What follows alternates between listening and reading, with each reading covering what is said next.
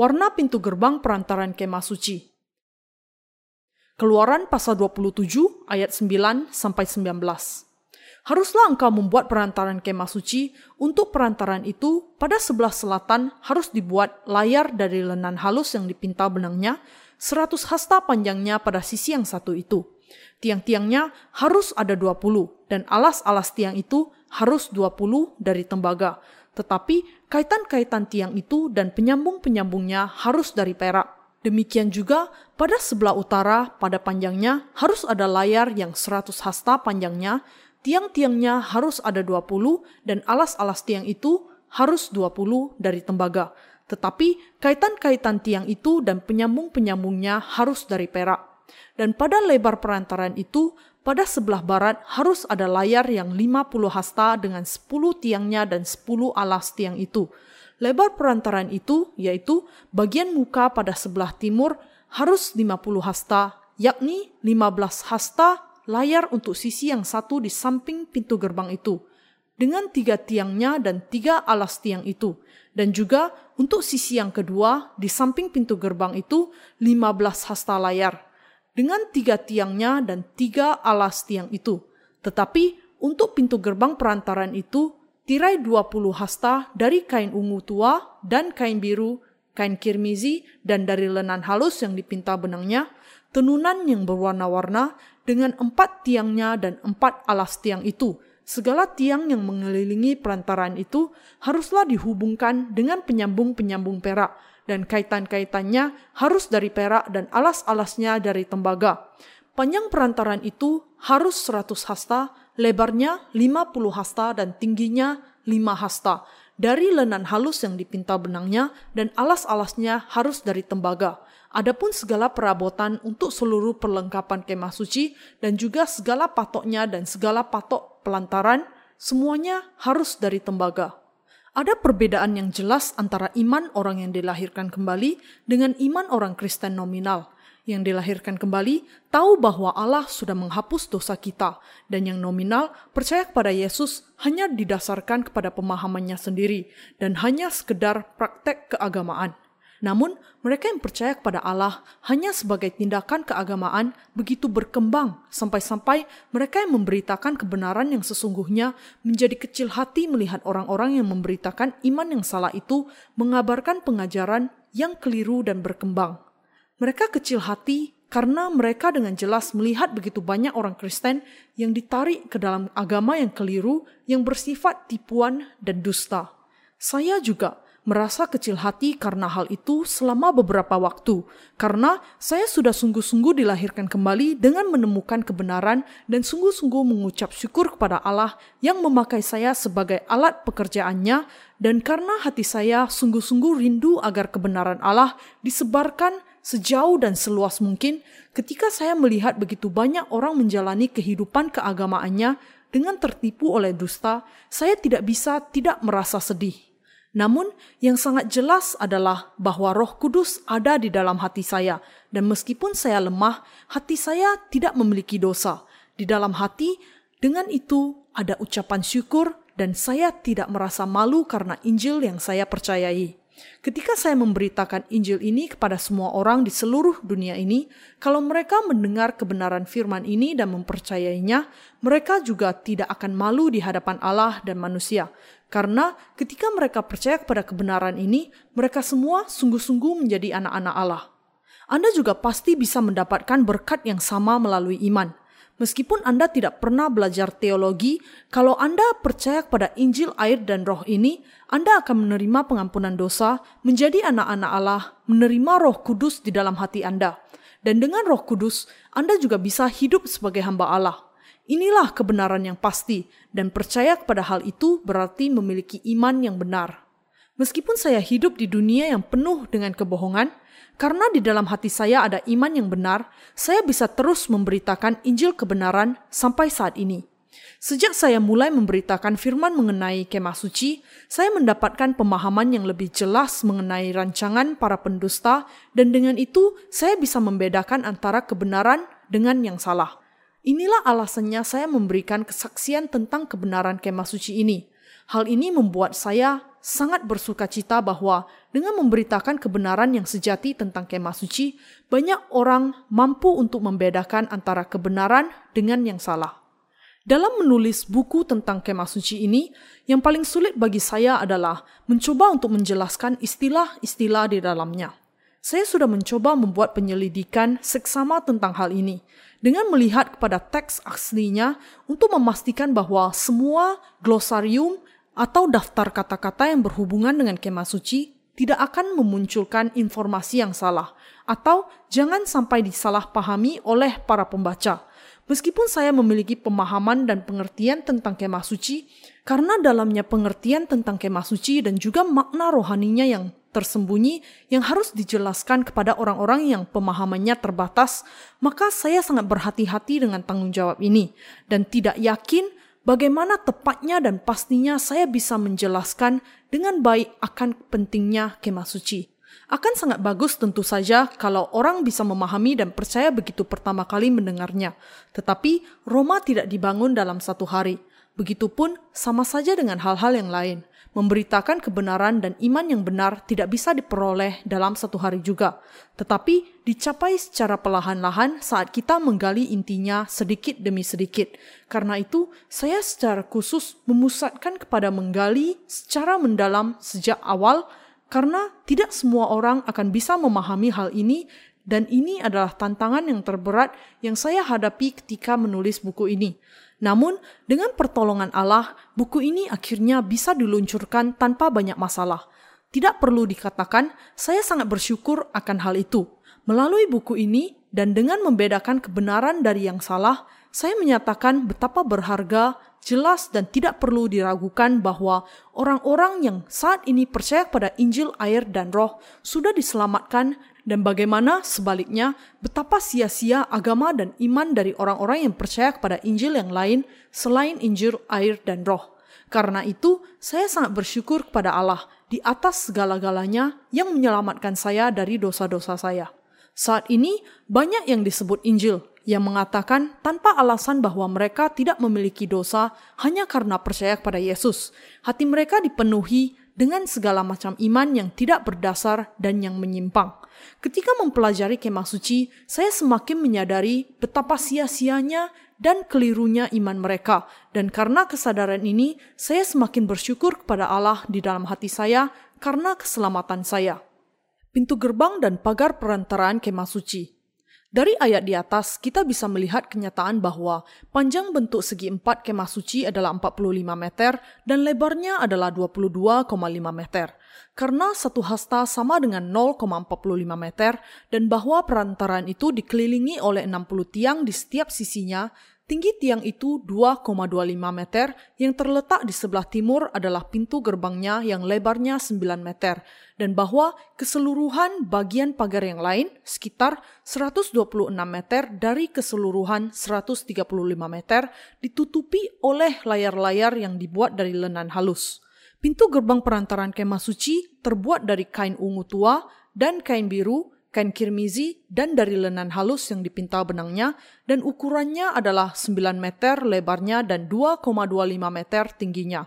Empat pintalan itu dengan kata lain ditenun untuk membuat layar yang ukurannya 9 meter kali 2,25 meter. Tenunan kain biru pertama-tama ditenun seluruh panjang dan lebarnya kepada kain lenan halus putih. Lalu Kain ungu dibuat setinggi 2,25 meter dan kain kirmizi dibuat setinggi 2,25 meter yang kemudian diikuti dengan dipasangkannya layar putih yang membuat bahan ini menjadi seperti layar yang sangat tebal dan kuat yang bentuknya seperti karpet yang tingginya 2,25 meter. Dengan cara ini, sebuah tirai yang ditenun dengan ukuran 2,25 meter dan 9 meter lebarnya diletakkan kepada keempat tiang di perantaran kemah suci di bagian sebelah timur. Untuk masuk ke dalam perantaran kemah suci, dengan demikian orang harus masuk melalui tirai dan menariknya ke atas. Tidak seperti gerbang yang biasanya, gerbang kemah suci bukan terbuat dari kayu, Meskipun tiangnya terbuat dari kayu, tetapi gerbangnya tergantung ke tiang-tiang itu yang berupa tirai yang terbuat dari kain biru dan kain ungu, kain kirmizi, dan dari lenan halus yang dipinta benangnya. Mungkin Anda pernah menyaksikan pertunjukan sirkus sebelumnya dan melihat bagaimana tenda sirkus itu dibangun. Pintunya biasanya terbuat dari kain yang sangat tebal. Gerbang perantaran kemah suci memiliki kemiripan dengan pintu yang demikian. Karena terbuat dari kain yang tebal, maka pintu itu tidak dibuka dengan cara ditarik atau didorong, tetapi justru ditarik ke atas. Dan ini bukan hanya untuk pintu perantaran kemah suci, tetapi juga yang menjadi gerbang untuk tempat kudus dan tempat maha kudus di bagian dalam kemah suci. Mengapa Allah memerintahkan bangsa Israel untuk membuat tiga gerbang, yaitu untuk perantaran kemah suci, tempat kudus dan tempat maha kudus dengan menunun kain biru dan kain ungu, kain kirmizi, dan dari lenan halus yang dipinta benangnya? Kita perlu mengerti dengan jelas apa kehendak Allah di balik perintah ini. Surat Ibrani menjelaskan kepada kita bahwa semua hal yang baik di dalam perjanjian lama adalah menggambarkan tentang satu substansi yang akan datang, yaitu Yesus Kristus. Ibrani pasal 10 ayat 1. Demikian juga pintu gerbang perantaran kemah suci yang sangat rumit itu berhubungan dengan baptisan Yesus Kristus, kematiannya di kayu salib dan identitasnya sendiri.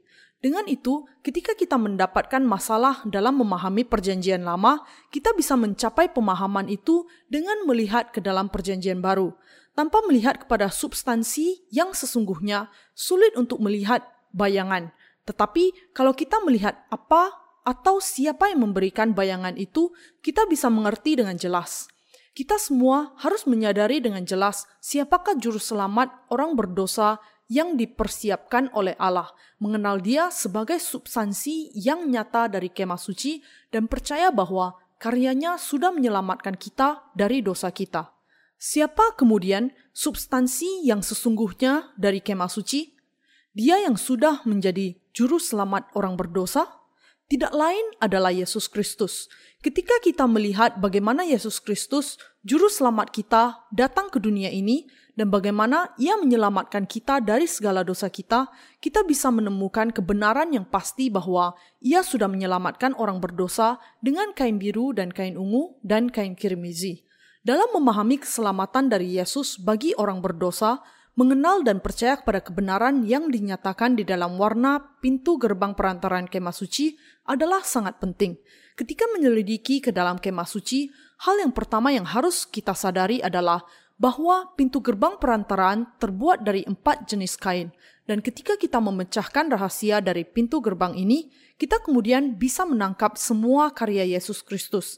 Dengan melihat kepada gerbang bentangan yang terbuat dari keempat kain itu, kita juga bisa memahami dengan jelas bagaimana kita harus mengenal dan percaya kepada Yesus dan jenis iman yang adalah iman yang salah. Perantaran luar kemah suci sebenarnya mengingatkan kita tentang kandang domba. Yesus Mesias kita sebenarnya adalah pintu kepada kandang itu dan juga menjadi gembala yang baik. Yohanes pasal 10 ayat 1 sampai 15. Ketika kita berpikir tentang tiang-tiang yang mengelilingi perantaran, kita sebenarnya diingatkan akan Mesias yang sudah menjadi pintu dan juga gembala yang baik untuk domba-dombanya, orang-orang kudus yang dilahirkan kembali. Gembala itu sebenarnya sudah meletakkan pagar-pagar di sekelilingnya untuk melindungi dombanya dan sudah membuat pintu dan melalui pintu itu ia menjaga dombanya. Melalui pintu ini, gembala itu menjalin persekutuan yang akrab dengan dombanya dan melindungi mereka. Bahkan kenyataannya semua yang bukan dombanya tidak diizinkan masuk melewati pintu itu. Gembala ini membedakan antara domba dengan serigala. Inilah sebabnya domba membutuhkan gembala. Namun, mungkin saja ada di antara domba-domba yang menolak diatur oleh gembala. Domba itu mungkin memasuki jalan kematian dan berpikir bahwa jalan itu adalah indah dan baik, ketika jalan itu sebenarnya adalah jalan yang tidak dapat dipercaya dan berbahaya, karena mereka tidak mau mendengarkan suara gembala dan menolak untuk diatur olehnya. Domba itu sebenarnya dijaga hidupnya dan dipelihara dengan baik oleh gembala dan menjalani kehidupan yang indah karena dia. Gembala kita yaitu Yesus Kristus yang sudah menjadi Mesias kita.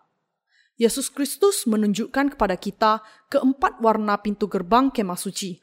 Layar yang diletakkan di pintu gerbang kemah suci terbuat dari kain biru dan kain ungu, kain kirmizi, dan dari lenan halus yang dipintal benangnya. Kain dari empat warna yang dipakai untuk membuat pintu gerbang kemah suci.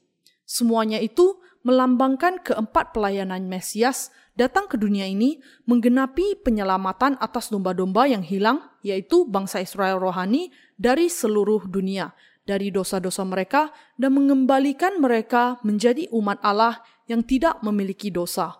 Kalau kita sungguh-sungguh mengerti bagaimana Mesias kita yang datang dalam keempat pelayanan itu, kemudian kebenaran yang tidak bisa diragukan lagi adalah bahwa kita sudah dibasuh dari segala dosa kita dengan iman ini, sudah menyerahkan seluruh kehidupan kita untuk memberitakan Injil, air, dan roh, dan masuk ke dalam surga dengan iman ini juga. Karena itu, semua orang sebenarnya harus mengenal firman kebenaran bahwa Mesias sudah datang bagi kita dengan kain biru dan kain ungu dan kain kirmizi dan sudah menyelamatkan kita dari dosa. Apakah Anda ingin menerima pengampunan dosa dengan percaya kepada keempat pelayanan Mesias? Mari kita kemudian belajar tentang kemah suci. Orang-orang yang mengenal keempat pelayanan ini sesungguhnya akan menjadi orang benar dengan menerima pengampunan dosa dari kain biru dan kain ungu, kain kirmizi, dan dari lenan halus yang dipintal benangnya. Bangsa Israel yang melihat gerbang kemah suci dibuat dari kain empat warna sebenarnya harus percaya bahwa Mesias sungguh-sungguh akan datang di masa yang akan datang dan menggenapi keempat pelayanan itu kebenaran yang harus dipercayai oleh semua orang berdosa. Kalau kita melihat kain lenan putih tergantung di perantaran kemah suci, kita akan bisa mengenali kebutuhan kita akan juru selamat dengan menyadari betapa kudusnya Allah itu. Semua orang yang sampai kepada pengenalan akan kekudusan Allah, pada kenyataannya tidak bisa tidak mengakuinya dan berkata, Allah, saya mengaku bahwa saya ditentukan untuk masuk neraka karena dosa-dosa saya karena saya hanyalah bongkahan besar dosa. Dengan melihat kepada kain lenan putih yang tergantung di tiang-tiang perantaraan, karena bersihnya dan megahnya begitu agung, orang akan mengakui dosa-dosa yang ada di dalam hati mereka dan menyadari bahwa mereka sama sekali tidak layak untuk hidup bersama dengan Allah. Kapan saja mereka yang hatinya tidak jujur berusaha menghadap Allah, dosa-dosa mereka akan selalu dinyatakan. Demikianlah manusia menjadi ragu menghadap Allah karena mereka takut kalau dosa-dosa mereka dinyatakan. Tetapi ketika orang-orang yang penuh dosa itu menyadari bahwa juru selamat mereka sudah menyelesaikan masalah dosa mereka dengan kain biru dan kain kirmizi darinya, mereka bisa dengan menghadap Allah penuh keyakinan akan keselamatan dan pengharapan di dalam hati mereka. Empat sisi kebenaran yang ditunjukkan di dalam pintu gerbang kemah suci menjelaskan bahwa Mesias datang ke dunia ini dalam rupa manusia, menanggung segala dosa dunia ke atas dirinya dengan baptisan yang diterimanya dari Yohanes dan mencurahkan darahnya di kayu salib. Orang-orang melalui Injil air dan roh mengerti dengan pasti serta percaya kepada kebenaran keempat warna pintu gerbang perantaraan kemah suci, kemudian bisa menerima pengampunan dosa baptisan Yesus dan penyalibannya, kebenaran bahwa Kristus sepenuhnya menyelamatkan kita dari dosa kita dengan baptisan dan darahnya di kayu salib adalah keselamatan seperti keempat warna gerbang perantaran kemah suci. Kain biru dan kain ungu, kain kirmizi, dan dari lenan halus yang dipinta benangnya sesungguhnya menunjukkan kepada kita pelayanan Mesias untuk menyelamatkan orang berdosa dari segala dosa mereka.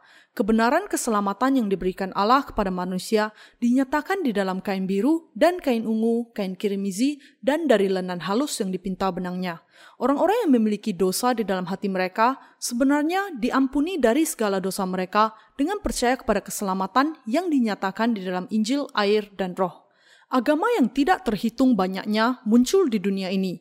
Semua agama di dunia ini sudah muncul dengan doktrin mereka sendiri yang dibuat berdasarkan pemahaman mereka sendiri. Semuanya membuat manusia berusaha mencapai kekudusan. Tetapi tidak ada satu orang pun yang pernah dibasuh dari dosa mereka melalui semua agama dunia itu. Alasannya adalah karena mereka semua membangun dan percaya pada doktrin keselamatan yang didasarkan kepada pemahaman mereka sendiri tanpa menyadari bahwa mereka sendiri penuh dengan dosa. Karena semua manusia adalah bongkahan dosa yang tidak akan pernah menjadi kudus karena upayanya sendiri, tidak peduli bagaimanapun kerasnya ia berusaha untuk membuang keberadaan dasarnya yang berdosa, tidak ada yang berhasil mencapainya. Inilah sebabnya semua orang sangat memerlukan juru selamat yang bisa membebaskannya dari dosa-dosanya, yaitu mengapa semua manusia membutuhkan Yesus. Anda harus menyadari bahwa manusia tidak memiliki juru selamat yang sejati selain Yesus Kristus. Karena hukum Allah tidak mengizinkan orang berdosa masuk ke rumah Allah, kita harus mengenal dan percaya bahwa Mesias sungguh-sungguh menghapuskan segala dosa kita. Injil yang sudah mengampuni segala dosa manusia sekali untuk selamanya tidak lain dari Injil air dan roh. Menempatkan iman seseorang di dalam doktrin agama duniawi hanya akan membawanya ke dalam kesulitan besar akibat dari dosa-dosanya, karena Allah yang kudus menghukum tanpa kecuali semua pelanggaran orang berdosa. Kebenaran yang dinyatakan di dalam kain biru dan kain ungu, kain kirmizi, dan dari lenan halus yang dipinta benangnya digenapi oleh Injil air dan roh di masa perjanjian baru. Pernahkah Anda mendengar seseorang yang mengatakan bahwa pintu gerbang perantaran kemah suci hanya dibuat dari kain merah atau hanya kain biru dan kain merah saja? Kalau pernah, Anda sekarang harus menyadari mulai dari saat ini bahwa pintu gerbang kemah suci sesungguhnya terbuat dari kain biru dan kain ungu, kain kirmizi, dan dari lenan halus yang dipintal benangnya. Allah dengan jelas memerintahkan kepada bangsa Israel untuk membuat pintu gerbang perantaraan dengan layar yang terbuat dari kain biru dan kain ungu, kain kirmizi, dan dari lenan halus yang dipintal benangnya. Tetapi karena banyak orang yang salah paham memiliki pemikiran bahwa pintu gerbang perantaraan hanya terbuat dari kain kirmizi, mereka tidak bisa memecahkan rahasia yang sejati dari keempat pelayanan Tuhan kita. Inilah sebabnya mereka memiliki dosa di dalam hati meskipun mereka percaya kepada Yesus. Sadarilah sekarang bahwa Kristus menanggung segala dosa Anda melalui kain biru dan kain ungu, kain kirmizi dan dari lenan halus, dan percaya kepada kebenaran ini. Karya keselamatan yang digenapi di dalam kain biru dan kain ungu, kain kirmizi dan dari lenan halus memang sudah sepenuhnya menyelamatkan Anda dari segala dosa Anda. Anda harus menyadari bahwa Yesus menanggung segala dosa Anda dengan keempat pelayanan ini menetapkan standar Anda sendiri bagi pengampunan dosa, sementara tidak mengenal kebenaran ini, dengan kata lain, sepenuhnya keliru. Beberapa orang, meskipun mereka tetap tidak tahu apa makna kain biru dan kain ungu dan kain kirmizi yang dipakai untuk pintu gerbang perantaran kemah suci, salah paham dalam mengatakan bahwa mereka bisa diselamatkan tanpa alasan hanya karena ia percaya kepada Yesus sebagai juru selamat. Bahkan ketika kami menanyakan beberapa pemimpin kelompok Kristen tentang keempat pelayanan Yesus, kami menemukan bahwa banyak yang tidak mengerti. Mereka mengatakan bahwa mereka hanya percaya kepada karya kain kirmizi. Kalau mereka percaya kepada satu hal yang lainnya, mereka akan mengatakan percaya kepada pelayanan kain ungu juga. Namun, Tuhan kita sebenarnya menggenapkan semua tugas keselamatan manusia dengan kain biru dan kain ungu kain kirmizi, dan dari lenan halus. Demikian, kita harus percaya bahwa Tuhan kita melaksanakan keempat pelayanan keselamatan itu bagi kita. Siapa saja yang memiliki hati yang rindu untuk mengenal kebenaran yang dinyatakan di dalam kain biru dan kain ungu, kain kirmizi, dan dari lenan halus di pintu gerbang kemah suci, kemudian akan bisa mengenal dan percaya kepada hal itu. Bagaimana saya harus mengerti makna yang sesungguhnya dari kain biru dan kain ungu, kain kirmizi dan dari lenan halus? Kalau Anda menanyakan pertanyaan ini kepada seseorang untuk mencari tahu kebenaran tentang kain dan lenan itu, mungkin Anda justru akan ditegur. Anda jangan berusaha memahami Alkitab sampai terlalu dalam dan terperinci. Itu justru berbahaya, dan rasa ingin tahu Anda diabaikan. Dengan putus asa, banyak orang kemudian kehilangan rasa ingin tahunya akan kain biru dan kain ungu, kain kirmizi dan dari lenan halus. Dan Anda tidak akan pernah bertemu dengan Mesias yang dinyatakan secara terperinci melalui pintu gerbang itu. Mereka yang berusaha untuk bertemu dengan Mesias tanpa menyadari kain biru dan kain ungu, kain kirmizi dan dari lenan halus sebenarnya hanyalah orang-orang yang mengaku beragama Kristen, tetapi menganggapnya sebagai salah satu agama dunia saja. Untuk masuk ke dalam rumah Allah, kita harus mengerti dengan benar kebenaran keempat pelayanan keselamatan Allah yang dinyatakan di dalam kain biru dan kain ungu, kain kirmizi, dan dari lenan halus yang dipakai untuk membuat pintu gerbang perantaran kemah suci. Dan orang-orang yang sudah menemukan kebenaran ini harus menyadari bahwa Tuhan menggenapi semuanya dengan Injil, air, dan roh di masa perjanjian baru. Allah memerintahkan kepada Musa untuk membuat pintu gerbang perantaran kemah suci dengan kain biru dan kain ungu, kain kirmizi dan dari lenan halus. Lalu, apa makna rohani dari hal ini?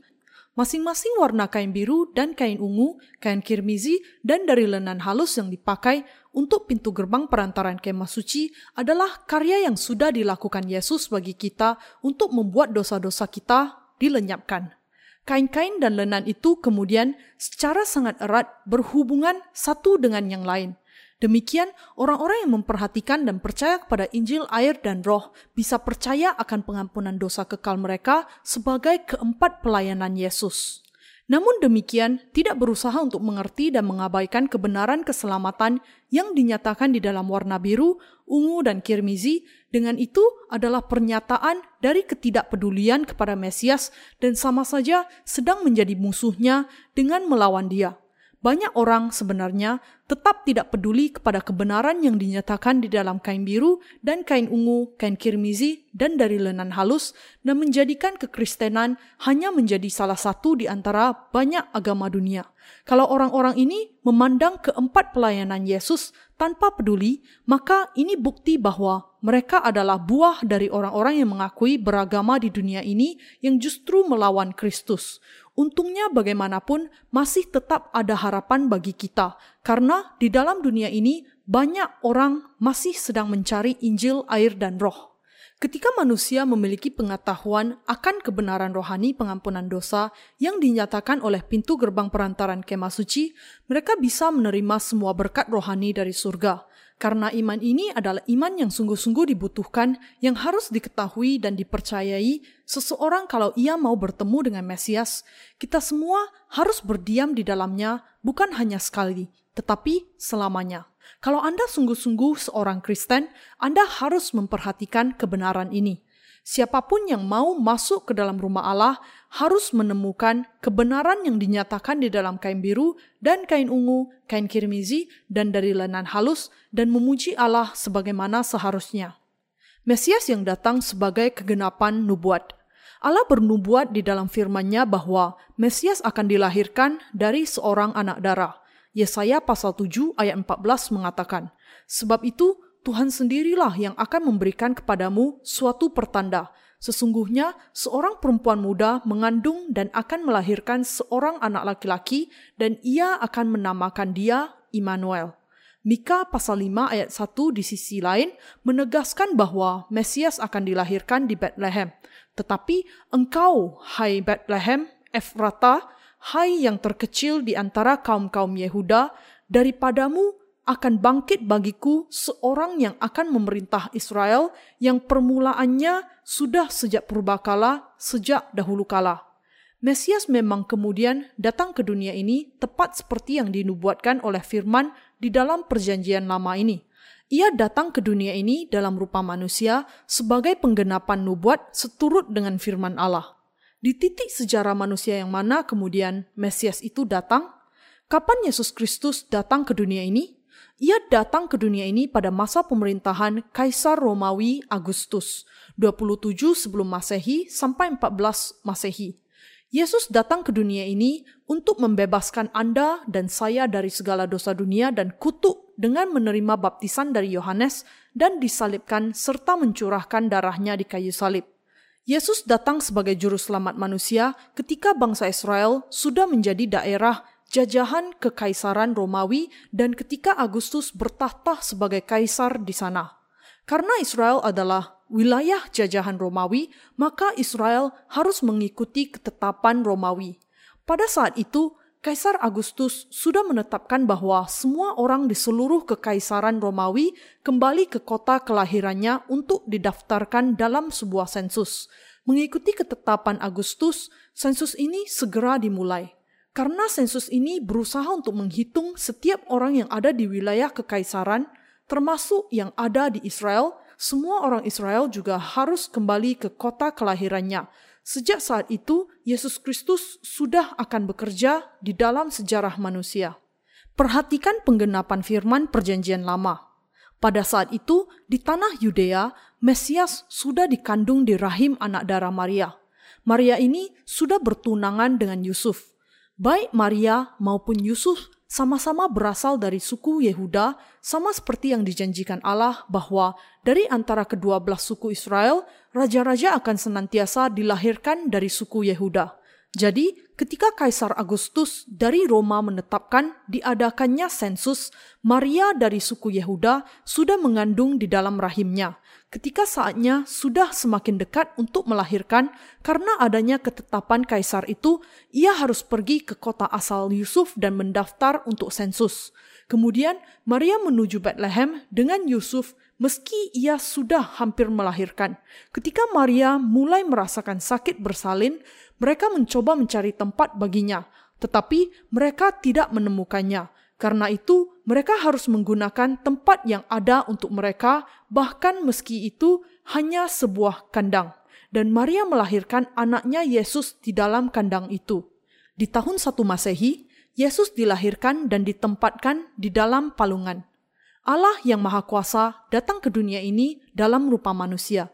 Di tempat yang untuk binatang, Yesus datang di situ ini berarti bahwa Yesus dilahirkan di tempat yang paling hina untuk menjadi Mesias kita dan semua hal itu sudah ditetapkan oleh Allah bahkan sebelum penciptaan. Meskipun manusia mungkin tahu bahwa Tuhan Allah menggerakkan roda sejarah manusia, tidak ada yang bisa mengerti bagaimana Ia akan sungguh-sungguh datang ke dunia ini untuk menyelamatkan mereka. Allah karena itu memungkinkan manusia menyadari bahwa ia akan menyelamatkannya dengan merendahkan dirinya untuk dilahirkan ke dalam dunia ini dalam rupa manusia yang hina untuk membebaskan semua manusia dari segala dosa mereka. Mengapa kemudian Yesus dilahirkan di antara semua tempat di dunia ini di Bethlehem? Kita mungkin juga bertanya-tanya mengapa ia harus dilahirkan di sebuah kandang dan mengapa di antara semua waktu yang ada justru ketika bangsa Israel tunduk kepada penjajahan Romawi.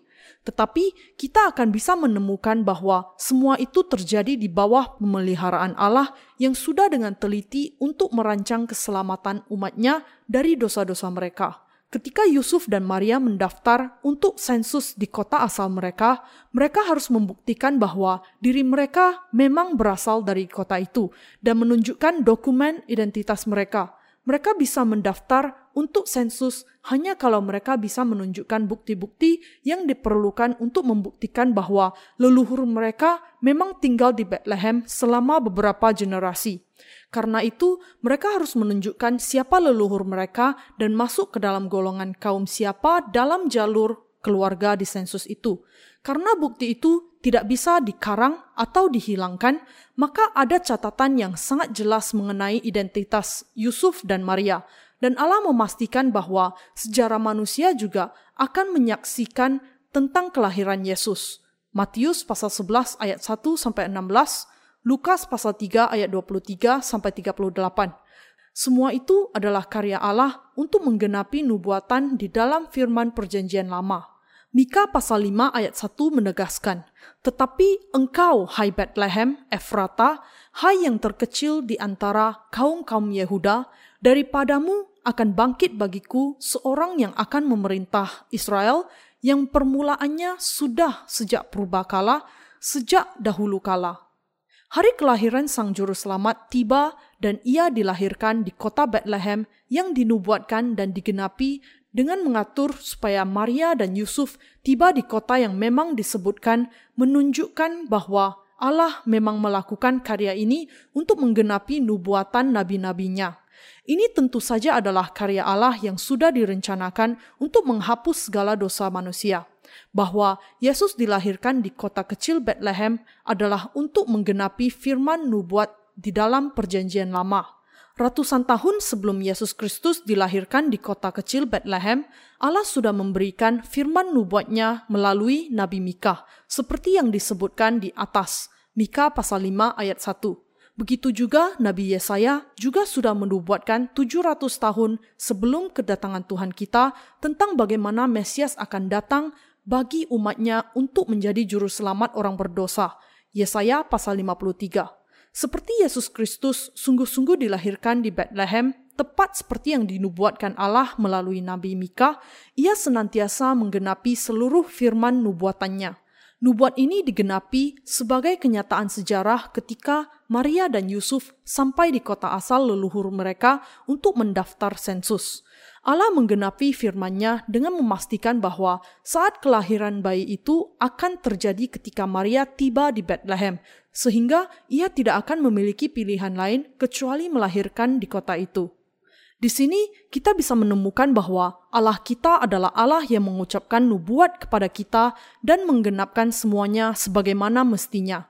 Dari ini kita bisa menemukan bahwa kain lenan halus yang dipakai di pintu gerbang perantaraan kemah suci menunjuk kepada keindahan dan kepenuhan firman Allah. Allah sudah dengan rinci merencanakan keselamatan manusia bahkan sebelum penciptaan dan ia menggenapi semuanya dengan baik sesuai dengan firman nubuatannya. Kita kemudian bisa memahami bahwa firman di dalam perjanjian lama pastilah firman Allah dan bahwa firman perjanjian baru juga adalah firman Allah kita juga bisa memahami dan juga percaya bahwa Allah memang sudah mengatur dan menggerakkan sejarah seluruh alam semesta dan dunia ini. Kita bisa melihat dengan kata lain bahwa sama seperti Allah sudah menciptakan seluruh alam semesta, Ia menunjukkan bahwa Ia menguasai semua manusia, semua sejarah, dan semua keadaan semua manusia secara penuh.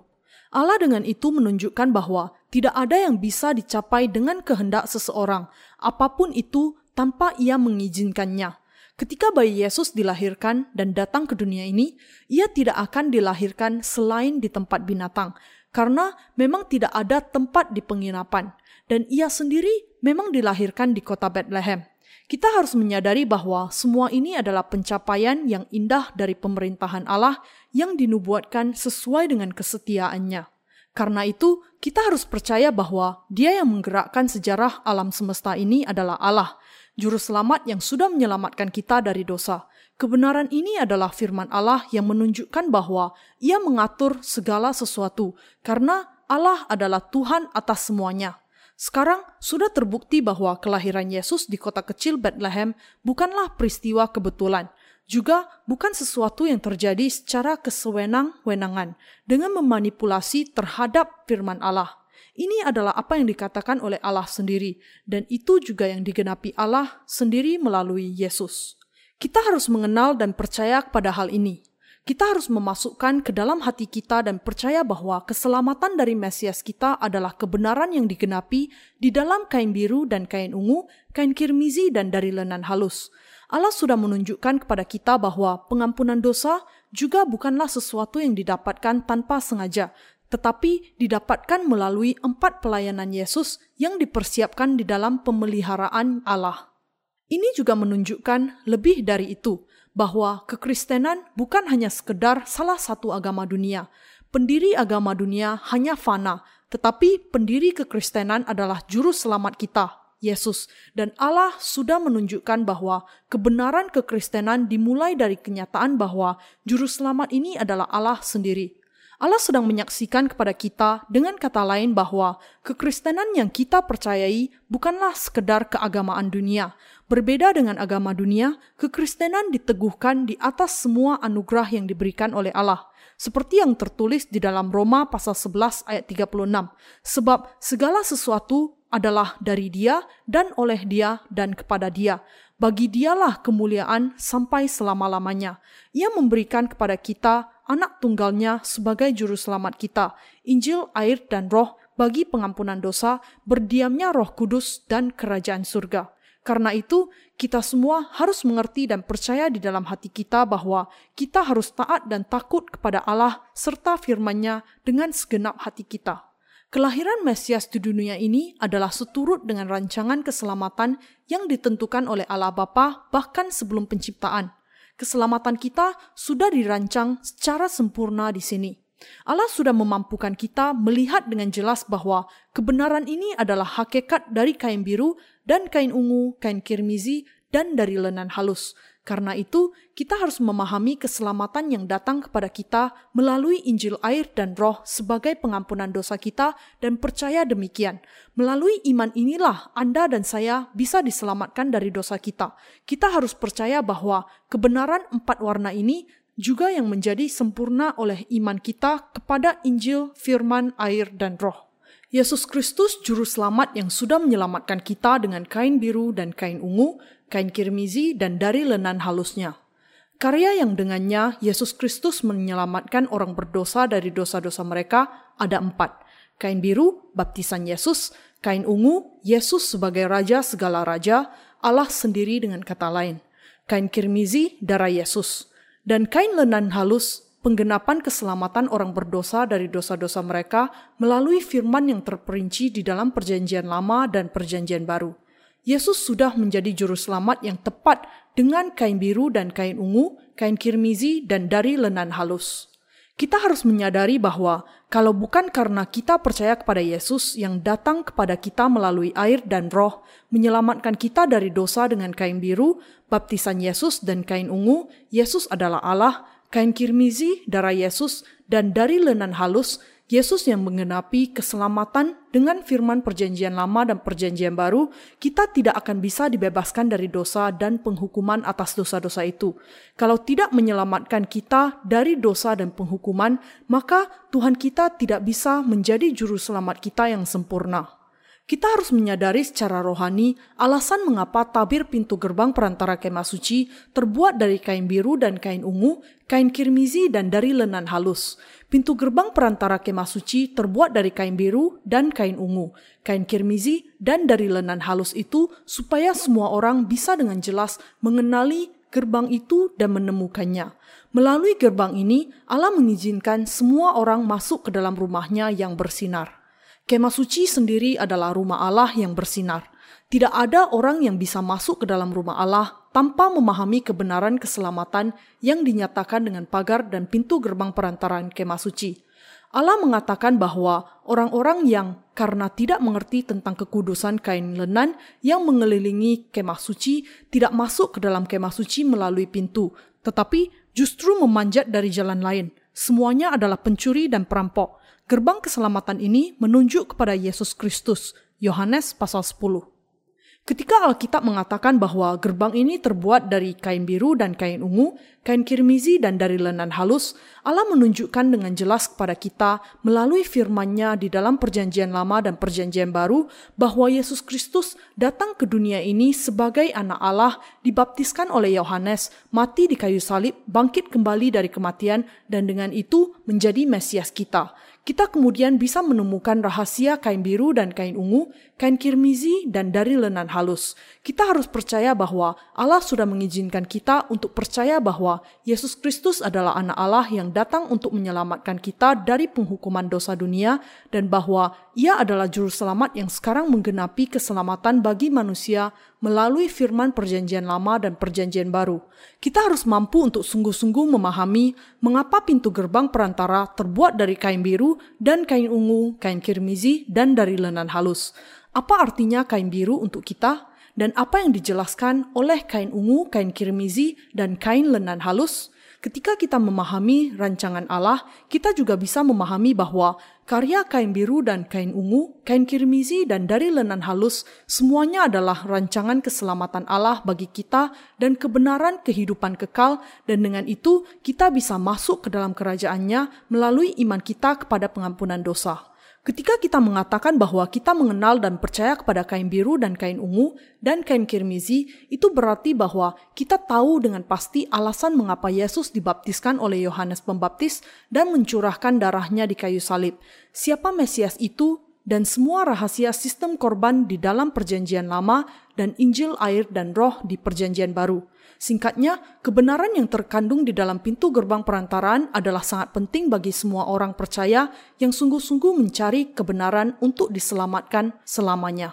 Mungkin nampaknya banyak orang memiliki pengetahuan yang baik tentang kemah suci, Tetapi kenyataannya bukan demikian. Manusia sebenarnya kurang memahami apa makna kain biru dan kain ungu dan kain kirimizi yang dibuat pintu gerbang perantaran kemah suci. Karena rahasia kain biru dan kain ungu, kain kirimizi dan dari lenan halus ini sulit dipahami, banyak orang yang memiliki kerinduan untuk belajar dan percaya kepadanya. Namun, karena rahasia ini tidak bisa dipahami oleh sembarang orang saja, banyak yang akhirnya menafsirkan secara salah berdasarkan pandangan sendiri. Banyak pemimpin agama kenyataannya salah paham dan salah menafsirkan kebenaran ini sekehendak hati mereka yang kemudian hanya memakainya untuk tujuan keagamaan mereka sendiri. Tetapi Allah tidak bisa ditipu oleh para pendusta itu.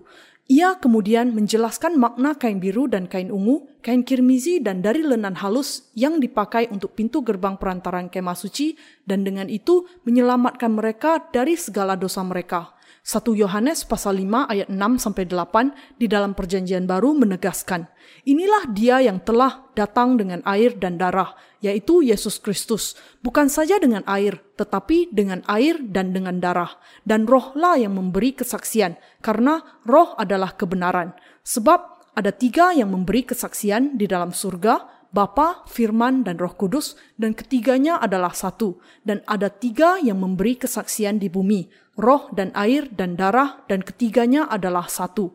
Bagian ini secara sangat jelas menyatakan bahwa Tuhan datang ke dunia ini dalam rupa manusia, menanggung segala dosa dengan baptisannya, dan menyelamatkan kita dengan mencurahkan darahnya. Inilah sebabnya pintu gerbang perantaraan terbuat dari kain biru dan kain ungu, kain kirmizi, dan dari lenan halus. Pertama-tama, apa yang ditunjukkan dengan kain biru?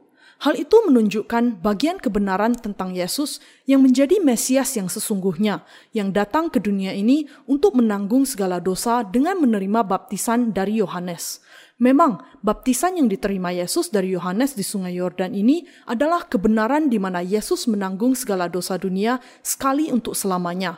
Yesus sungguh-sungguh menanggung segala dosa dunia di bahunya dengan dibaptiskan oleh Yohanes Pembaptis, wakil dari seluruh umat manusia. Karena dosa-dosa manusia ditanggungkan ke atas kepala Yesus Kristus, orang-orang yang percaya kepada kebenaran ini tidak memiliki dosa lagi di dalam hati mereka. Yang kedua, apa arti sesungguhnya dari kain ungu yang terdapat di pintu gerbang perantara kain suci? Hal itu menjelaskan bahwa Yesus adalah Raja segala raja.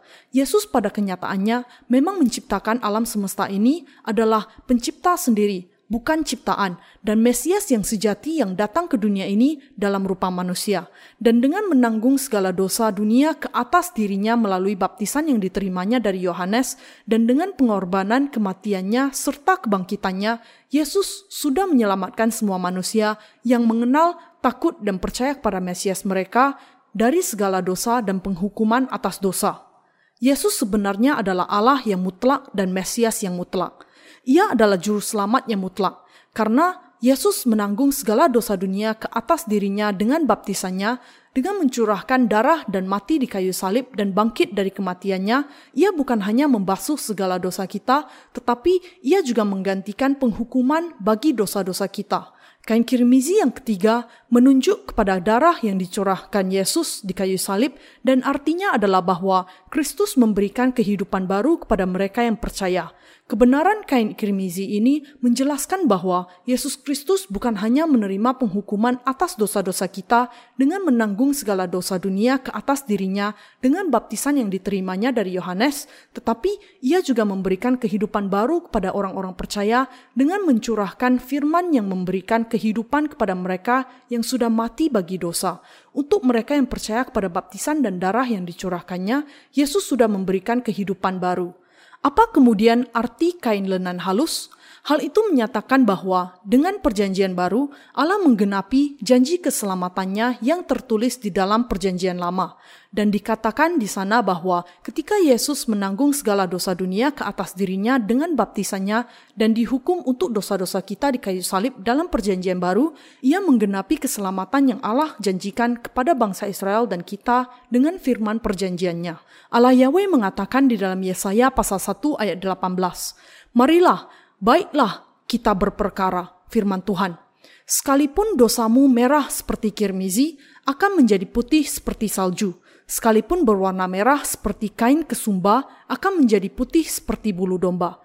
Juga, sistem korban di dalam Perjanjian Lama mengatur bagaimana korban dipersembahkan di kemah suci, yang dengannya dosa-dosa bangsa Israel ditanggungkan kepada domba korban dengan penumpangan tangan, adalah janji yang dibuat Allah kepada bangsa Israel dan kepada kita.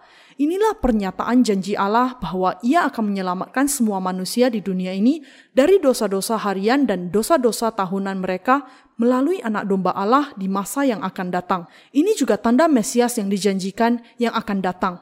Jadi, di dalam Perjanjian Baru, ketika Yesus Kristus menanggung segala dosa dunia ke atas dirinya sekaligus dengan menerima baptisannya sesuai dengan cara di dalam Perjanjian Lama, hal itu adalah penggenapan dari Perjanjian Allah. Setelah memberikan kepada kita semua firman perjanjiannya yang sungguh-sungguh ia genapi seluruhnya, tepat seperti yang dijanjikannya. Baptisan yang diterima Yesus menyatakan kebenaran ini bahwa Allah yang berjanji sudah menggenapi semua perjanjiannya. Yesus Kristus yang datang dengan air, darah, dan roh. Mengapa Yesus dibaptiskan oleh Yohanes? Alasannya adalah untuk menanggung segala dosa ke atas dirinya dan untuk menerima penghukuman dosa bagi kita. Untuk membuat segala dosa manusia dilenyapkan dan menjadi juru selamat kita, Yesus dibaptiskan oleh Yohanes Pembaptis, naik ke kayu salib dan mencurahkan darah serta mati di sana. Dengan melakukan hal itu, ia bukan hanya menghapus segala dosa kita, tetapi ia juga menerima semua penghukuman dosa bagi kita dan dengan itu menjadi juru selamat kekal kita. Segala dosa kita kepada Yesus ketika ia dibaptiskan oleh Yohanes dan ia membawa segala dosa dunia ke kayu salib. Karena Yesus Kristus menanggung segala dosa kita dengan baptisannya dan karena ia membawa segala dosa dunia ke kayu salib, ia bisa disalibkan, mencurahkan darahnya dan mati bagi kita. Yesaya pasal 53 ayat 5 mengatakan, Tetapi dia tertikam oleh karena pemberontakan kita, dia diremukkan oleh karena kejahatan kita. Ganjaran yang mendatangkan keselamatan bagi kita ditimpakan kepadanya, dan oleh bilur-bilurnya kita menjadi sembuh. Melalui baptisan Tuhan kita, dosa-dosa awal kita yang kita warisi dari leluhur kita bersama Adam dan dosa-dosa tindakan yang kita lakukan sepanjang kehidupan kita semua ditanggungkan kepadanya dan ia dihukum untuk segala dosa itu dengan datang kepada kita dari air dan darah. Tuhan sudah membuat segala dosa kita terhapus. 1 Yohanes pasal 5 ayat 5 sampai 8. Siapa kemudian Yesus Kristus ini, juru selamat dan Mesias yang membereskan segala dosa kita dan membuat semuanya terhapus? Kejadian pasal 1 ayat 1 mengatakan, Pada mulanya Allah menciptakan langit dan bumi. Siapakah Allah yang Maha Kuasa yang menciptakan seluruh alam semesta ini dengan firman-Nya? Ia tidak lain dari Mesias orang-orang berdosa. Ia yang datang dengan air baptisannya untuk menyelamatkan Anda dan saya dari segala dosa dunia. Dia yang datang sebagai juru selamat yang mencurahkan darah di kayu salib untuk dihukum bagi segala dosa dunia. Melalui air, darah, dan roh, Yesus sudah membebaskan kita dari dosa-dosa dan penghukuman kita. Tuhan kita datang sebagai juru selamat kita untuk menanggung segala dosa kita dan dihukum untuk dosa-dosa itu bagi kita. Yesus Kristus sebenarnya adalah anak Allah dan Allah sendiri, karena Mesias sebenarnya adalah Allah kita. Nama Yesus berarti juru selamat yang akan menyelamatkan umatnya dari dosa-dosanya. Matius pasal 1 ayat 21. Kristus Basileus dalam bahasa Yunani di sisi lain berarti raja segala raja. Yesus adalah pencipta yang menciptakan seluruh alam semesta, penguasa mutlak atas segala sesuatu, juru selamat orang-orang berdosa, dan raja segala raja yang menghukum iblis. Allah yang mutlak sungguh-sungguh menciptakan manusia sesuai dengan gambarnya sendiri. Ketika kita sebagai ciptaannya sendiri jatuh ke dalam dosa dan ditentukan untuk binasa karena kelemahan kita, Raja segala raja ini berjanji untuk menyelamatkan kita dari dosa kita. Dan untuk menggenapi janji ini, ia datang kepada kita. Dan untuk menjadikan kita seluruh umat Allah yang penuh dan tidak berdosa, Tuhan kita sendiri datang kepada kita dengan air, darah, dan roh. Mesias yang adalah sang pencipta sungguh-sungguh datang ke dunia ini dalam rupa manusia untuk melenyapkan segala dosa kita dan menanggung segala dosa ke atas dirinya dengan menerima baptisan dari Yohanes di sungai Yordan. Dan dengan mati di kayu salib, ia dihukum bagi segala dosa kita menggantikan kita. Karena Yesus memang pada kenyataannya adalah Mesias, karena ia adalah juru selamat dan Tuhan atas kehidupan kita, kita bisa mendapatkan kehidupan yang baru dan kekal dengan percaya kepadanya. Mesias memang adalah Allah kita. Inilah sebabnya pintu gerbang kemah suci terbuat dari kain biru dan kain ungu dan kain kirmizi, karena ini adalah rahasia air dan roh yang membebaskan kita dari segala dosa dan penghukuman atas dosa-dosa kita. Kebenaran bahwa Tuhan kita memang menyelamatkan kita dari dosa kita tidak bisa diragukan. Tuhan kita tidak menjanjikan keselamatannya secara membingungkan, tidak mencapainya secara sembarangan, dan tidak menerima iman orang-orang yang percaya kepadanya sekehendak hati dan tidak berdasarkan kebenaran yang konkret bahwa ia sudah sungguh-sungguh menyelamatkan kita melalui air dan darahnya.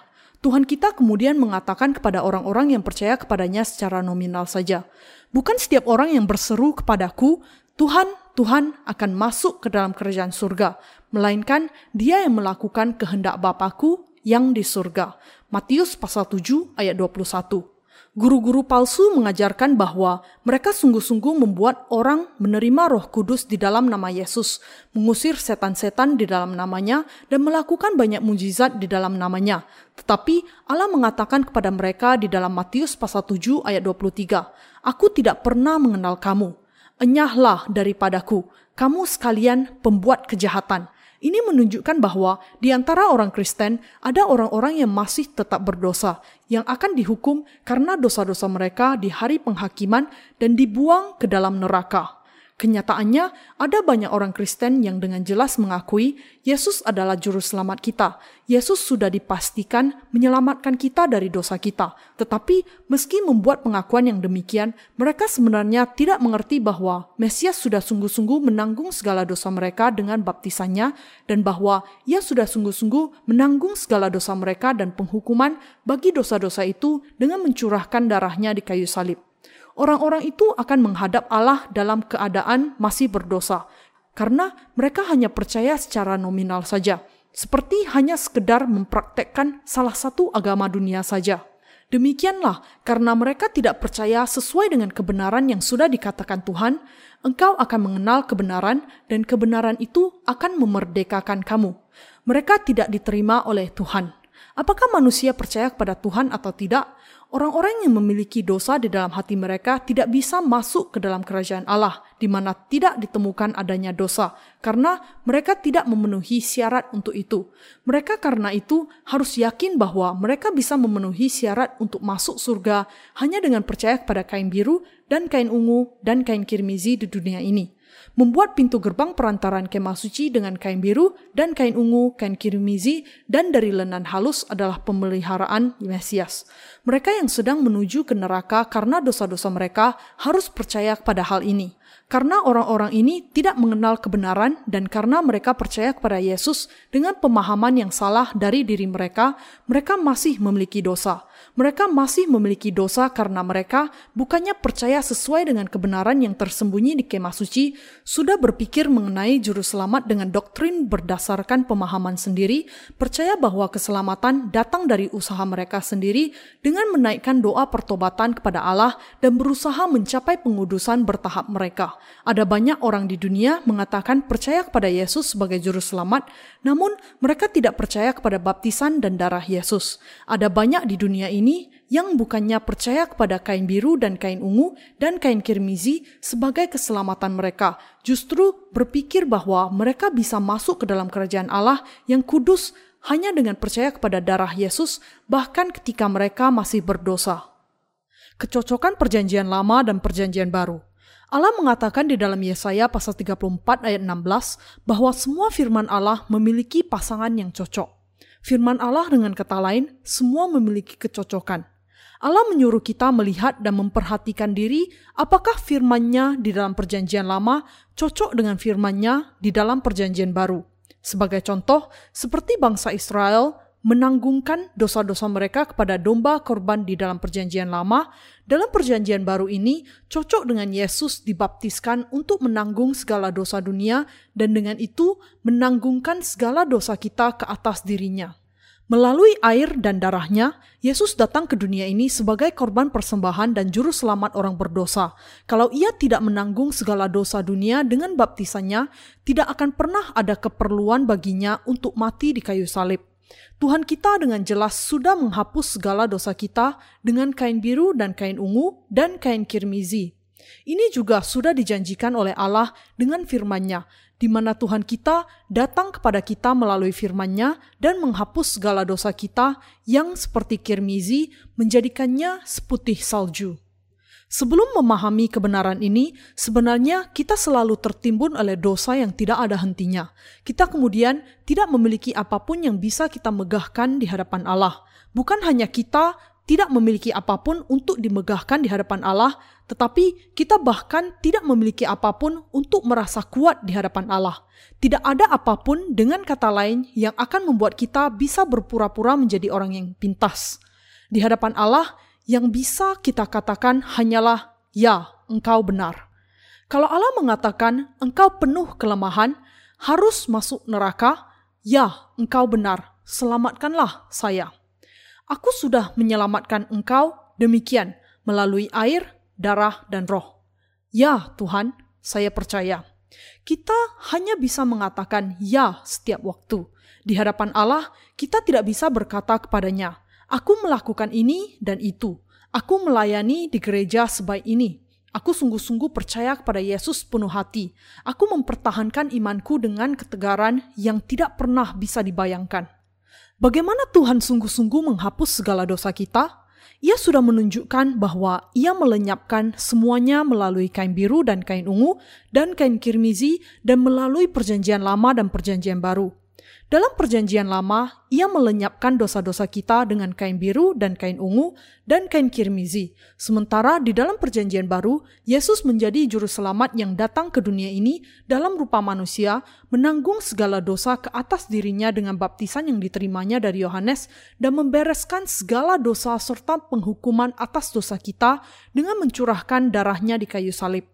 Dengan dibaptiskan, Tuhan kita menanggung segala dosa dunia sekaligus. Matius pasal 3 ayat 15. Segala dosa duniawi kita ditanggungkan kepada Yesus. Setelah menanggung segala dosa dunia kita dengan baptisannya, ia membawa semua dosa itu ke kayu salib. Disalibkan, mencurahkan darahnya, mati di kayu salib dan bangkit kembali dari kematian, dan dengan itu membuat semua dosa kita dilenyapkan. Yesus Kristus dengan demikian telah menjadi juru selamat kita yang pasti. Kebenaran Allah yang kita terima adalah kebenaran yang diperoleh karena percaya kepada Yesus Kristus yang datang ke dunia ini dengan air, darah, dan roh. Inilah keselamatan yang diterima dari Allah, bukan sesuatu yang kita peroleh dari diri kita sendiri. Ini sesuatu yang tidak bisa kita megahkan di hadapan Allah. Kenyataannya, kita diselamatkan dari dosa kita karena percaya kepada Yesus Kristus yang sudah menjadi juru selamat kita yang pasti. Kita yang adalah orang-orang berdosa dengan kata lain sudah sungguh-sungguh menerima pengampunan dosa dengan percaya kepada baptisan Yesus dan darah yang dicurahkannya bagi kita. Kalau karya keselamatan Yesus hanya berperan Katakanlah sekitar 70% keselamatan kita dan kemudian yang 30% sisanya adalah karena usaha kita sendiri untuk tidak melakukan dosa, yaitu agar kita secara bertahap menguduskan diri kita dan bahwa keselamatan kita didapatkan sedikit demi sedikit, maka kita sungguh-sungguh harus sering tidak tidur di waktu malam dan menghabiskan hari-hari kita untuk menaikkan doa-doa pertobatan, melayani masyarakat, atau kita berusaha untuk melakukan segala sesuatu dan apa saja yang mungkin untuk dilakukan. Tetapi Rasul Paulus mengatakan di dalam surat Roma, "Aku manusia celaka. Siapakah yang akan melepaskan aku dari tubuh maut ini? Syukur kepada Allah oleh Yesus Kristus Tuhan kita, demikianlah sekarang tidak ada penghukuman bagi mereka yang ada di dalam Kristus Yesus." Roma pasal 7 ayat 24 sampai pasal 8 ayat 1. Sama seperti kesaksian Paulus, kita juga harus percaya kepada Yesus dengan cara demikian. Alkitab mengatakan bahwa Yesus Kristus sudah menyelamatkan kita dengan sempurna dari tubuh maut ini 100%. Siapa kemudian yang akan menghukum kita? Tidak ada yang bisa menghukum kita, karena Yesus Kristus sudah menyelamatkan kita 100%, bagaimanapun kelemahan kita sendiri. Anda dan saya juga semuanya Farisi rohani. Beberapa di antara Anda mungkin mengenal dan percaya kepada Yesus dalam waktu yang cukup lama. Anda sudah percaya kepada Yesus sebagai juru selamat Anda.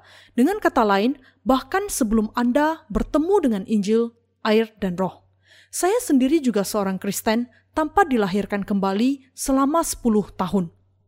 Ketika kita pertama kali percaya kepada Yesus sebagai juru selamat kita, pengalaman itu sangat menyegarkan. Awal ini sangat menyegarkan sampai-sampai kita berpikir bahwa kita bisa diselamatkan tanpa alasan hanya dengan percaya kepada Yesus sebagai juru selamat, meski kita tidak mengenal kain biru dan kain ungu dan kain kirmizi. Ketika saya pertama kali percaya kepada Yesus, hati saya sungguh-sungguh penuh dengan sukacita. Karena itu, saya sangat bersukacita ketika saya pertama kali percaya kepada Yesus.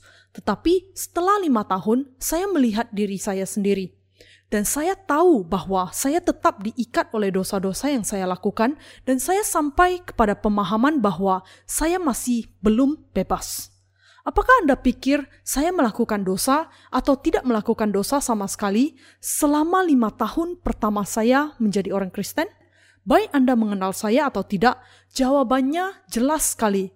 Tentu saja saya melakukan dosa. Selama masa itu, ketika saya tidak mengenal kebenaran, saya tersiksa setiap kali melakukan dosa. Dan untuk membuang rasa sakit itu, saya harus menaikkan doa pertobatan dan bahkan kadangkala berpuasa selama tiga hari. Beban di dalam hati saya nampak terangkat untuk sementara dan membuat saya bisa memuji Allah. Ajaib benar anugerah pembaru hidupku. Tetapi sesudah ini, tentu saja saya tetap saja melakukan dosa lagi, karena saya memiliki banyak kelemahan dan penuh dengan celah. Setiap kali saya melakukan dosa, bahkan kalaupun saya membenci diri saya karena hal itu, tidak sekalipun saya bisa menyelesaikan masalah dosa saya dengan baik. Dalam keadaan yang demikian, lima tahun lagi berlalu, dan ketika saya sudah menjadi orang Kristen selama 10 tahun, tiba-tiba saya dikejutkan dengan penemuan akan betapa banyaknya dosa yang saya lakukan sepanjang tahun-tahun itu. Ketika melihat diri saya melakukan dosa yang begitu besar setiap hari, saya menjadi sedih dan sungguh-sungguh putus asa. Dan ketika saya ada di hadapan hukum Taurat, saya juga menemukan betapa berdosanya diri saya, dan menjadi semakin sulit bagi saya untuk berdiri di hadapan Allah akhirnya saya menjadi orang berdosa yang bahkan tidak bisa mengatakan dengan sejahtera bahwa saya mengenal Yesus dan percaya kepadanya. Jadi, pada tahun ke-10 saya menjadi orang Kristen, saya tidak bisa tidak mengakui keberdosaan saya kepada diri saya sendiri. Ketika pertama kali percaya kepada Yesus, saya sungguh-sungguh berpikir bahwa saya adalah orang Kristen yang cukup baik. Tetapi, sejalan dengan waktu, saya semakin menyadari bahwa tidak ada yang bisa saya megahkan di hadapan Allah. Saya mengakui, saya sungguh-sungguh orang Farisi. Farisi tidak hanya ada di dalam Alkitab, karena saya sendiri seorang Farisi zaman ini. Farisi adalah orang-orang yang ada di dalam kesucian yang pura-pura. Setiap minggu dalam perjalanan ke gereja dengan membawa Alkitab, mereka berseru kepada sesama orang Kristen, "Selamat pagi, haleluya!" Dan ketika mereka beribadah, setiap kali mereka mendengar orang berbicara tentang kayu salib, mereka menangis. Saya sendiri juga mencurahkan banyak air mata ketika berpikir mengenai darah Yesus. Saya berpikir bahwa inilah yang disebut sebagai penyembahan yang benar. Tetapi sementara hidup di dunia ini, semua manusia akhirnya menemukan dirinya, melakukan dosa demi dosa. Jadi, manusia sekali lagi terdorong untuk menaikkan doa pertobatan.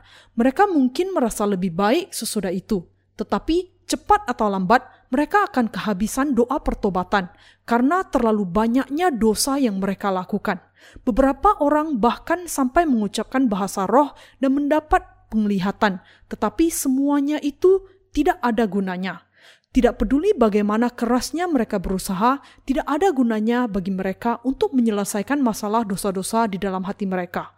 Kalau mereka akhirnya menyadari bahwa mereka memang makhluk yang tidak berguna di hadapan Allah dan memahami bahwa mereka akan masuk neraka karena dosa-dosa mereka, bahkan kalaupun kesadaran ini terlambat, tetap saja masih untung. Kenyataannya, semakin lama kita percaya kepada Yesus, semakin kita menyadari betapa jahatnya dosa kita sesungguhnya. Tetapi orang-orang Farisi sangat ahli dalam menyembunyikan sesuatu.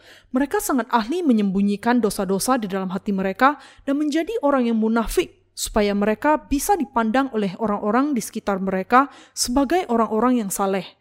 Orang-orang beragama di dunia ini sangat menghormati, tetapi seberapa banyak pun rasa hormat dan penerimaan yang mereka dapatkan dari orang lain ketika mereka menghadap Allah, mereka hanyalah segumpal dosa saja.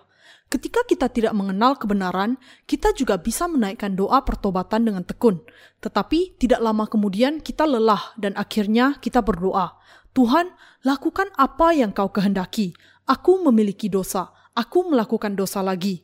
Sekarang terlalu memalukan kalau aku mengakuinya kepadamu meskipun terlalu memalukan karena kita diajar bahwa Allah akan senang setiap kali kita mengakui dosa-dosa kita dan bahwa Ia akan mengampuni segala dosa dengan kebenarannya dan membasuh dari kecemaran, kita terus berdoa kepadanya.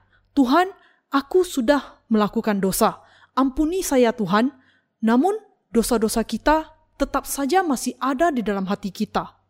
Setiap kali orang menundukkan kepala untuk berdoa kepada Allah, hati nurani mengingatkan mereka akan dosa-dosa mereka dan kemudian menggerogoti hati mereka.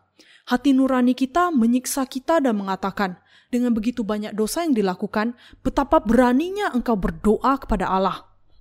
Jadi, setelah beberapa waktu, karena kita sungguh-sungguh tidak tahu apa yang harus dikatakan, hanya bisa berseru, Tuhan, Tuhan, Semakin dan semakin sering kita menemukan diri kita naik ke bukit dan menyerukan nama Tuhan. Untuk menghindari rasa malu karena menarik perhatian banyak orang, kita naik ke bukit pada waktu malam, masuk ke salah satu gua, dan menyerukan nama Tuhan di sana. Tetapi ini juga hanya menyenangkan diri, sementara dosa-dosa kita masih ada di dalam hati kita. Kita juga berusaha untuk menenteramkan hati nurani kita dan mengatakan bahwa kita tidak memiliki dosa lagi Allah sangat penuh belas kasihan sehingga ia melenyapkan dosa-dosa saya. Saya sudah berdoa puasa selama tiga hari. Lagi pula, saya rasa saya tidak melakukan dosa sebanyak itu. Tidakkah Allah yang penuh belas kasihan kemudian akan mengampuni saya? Tetapi, bisakah kita sungguh-sungguh mendustai diri kita, bahkan kalau kita mau memuji Allah atas kemurahannya? Bagaimana mungkin kita bisa mendustai hati kita ketika kita memiliki dosa di hadapan Allah?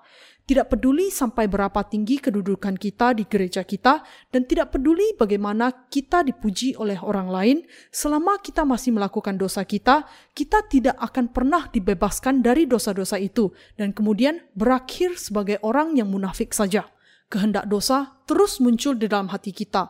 Meskipun kita berbicara mengenai darah Yesus di kayu salib berulang kali, meski kita mencucurkan air mata hanya dengan berpikir tentang darahnya di kayu salib, dan meskipun kita menjadi orang Kristen yang baik, kita tetap berdosa sampai kita bertemu dengan Injil, air, dan roh yang sempurna. Meskipun kita menjalani kehidupan sesuai dengan semua ritual kekristenan, kita tetap memiliki dosa. Inilah agama Farisi masih ada banyak orang di dunia ini yang memiliki iman jenis ini, dan mereka bisa kita temukan bahkan di masyarakat Kristen. Segala dosa dilenyapkan dengan percaya kepada Injil, air, dan Roh. Sebelum mengenal Injil, air, dan Roh, dan sebelum percaya kepada Injil ini, kita semua memiliki dosa dalam hati kita. Sebelum kita percaya kepada kebenaran kain biru dan kain ungu, kain kirmizi, dan dari lenan halus, hati nurani kita penuh dosa. Dengan kejujuran, kita semua berdosa di hadapan Allah, dan kita semua harus masuk neraka karena dosa-dosa kita. Karena Alkitab mengatakan bahwa upah dosa ialah maut. Kita kemudian sangat tersiksa karena dosa-dosa kita, dan kita harus masuk neraka, baik secara fisik maupun rohani, karena penghukuman Allah bagi kita atas dosa-dosa kita.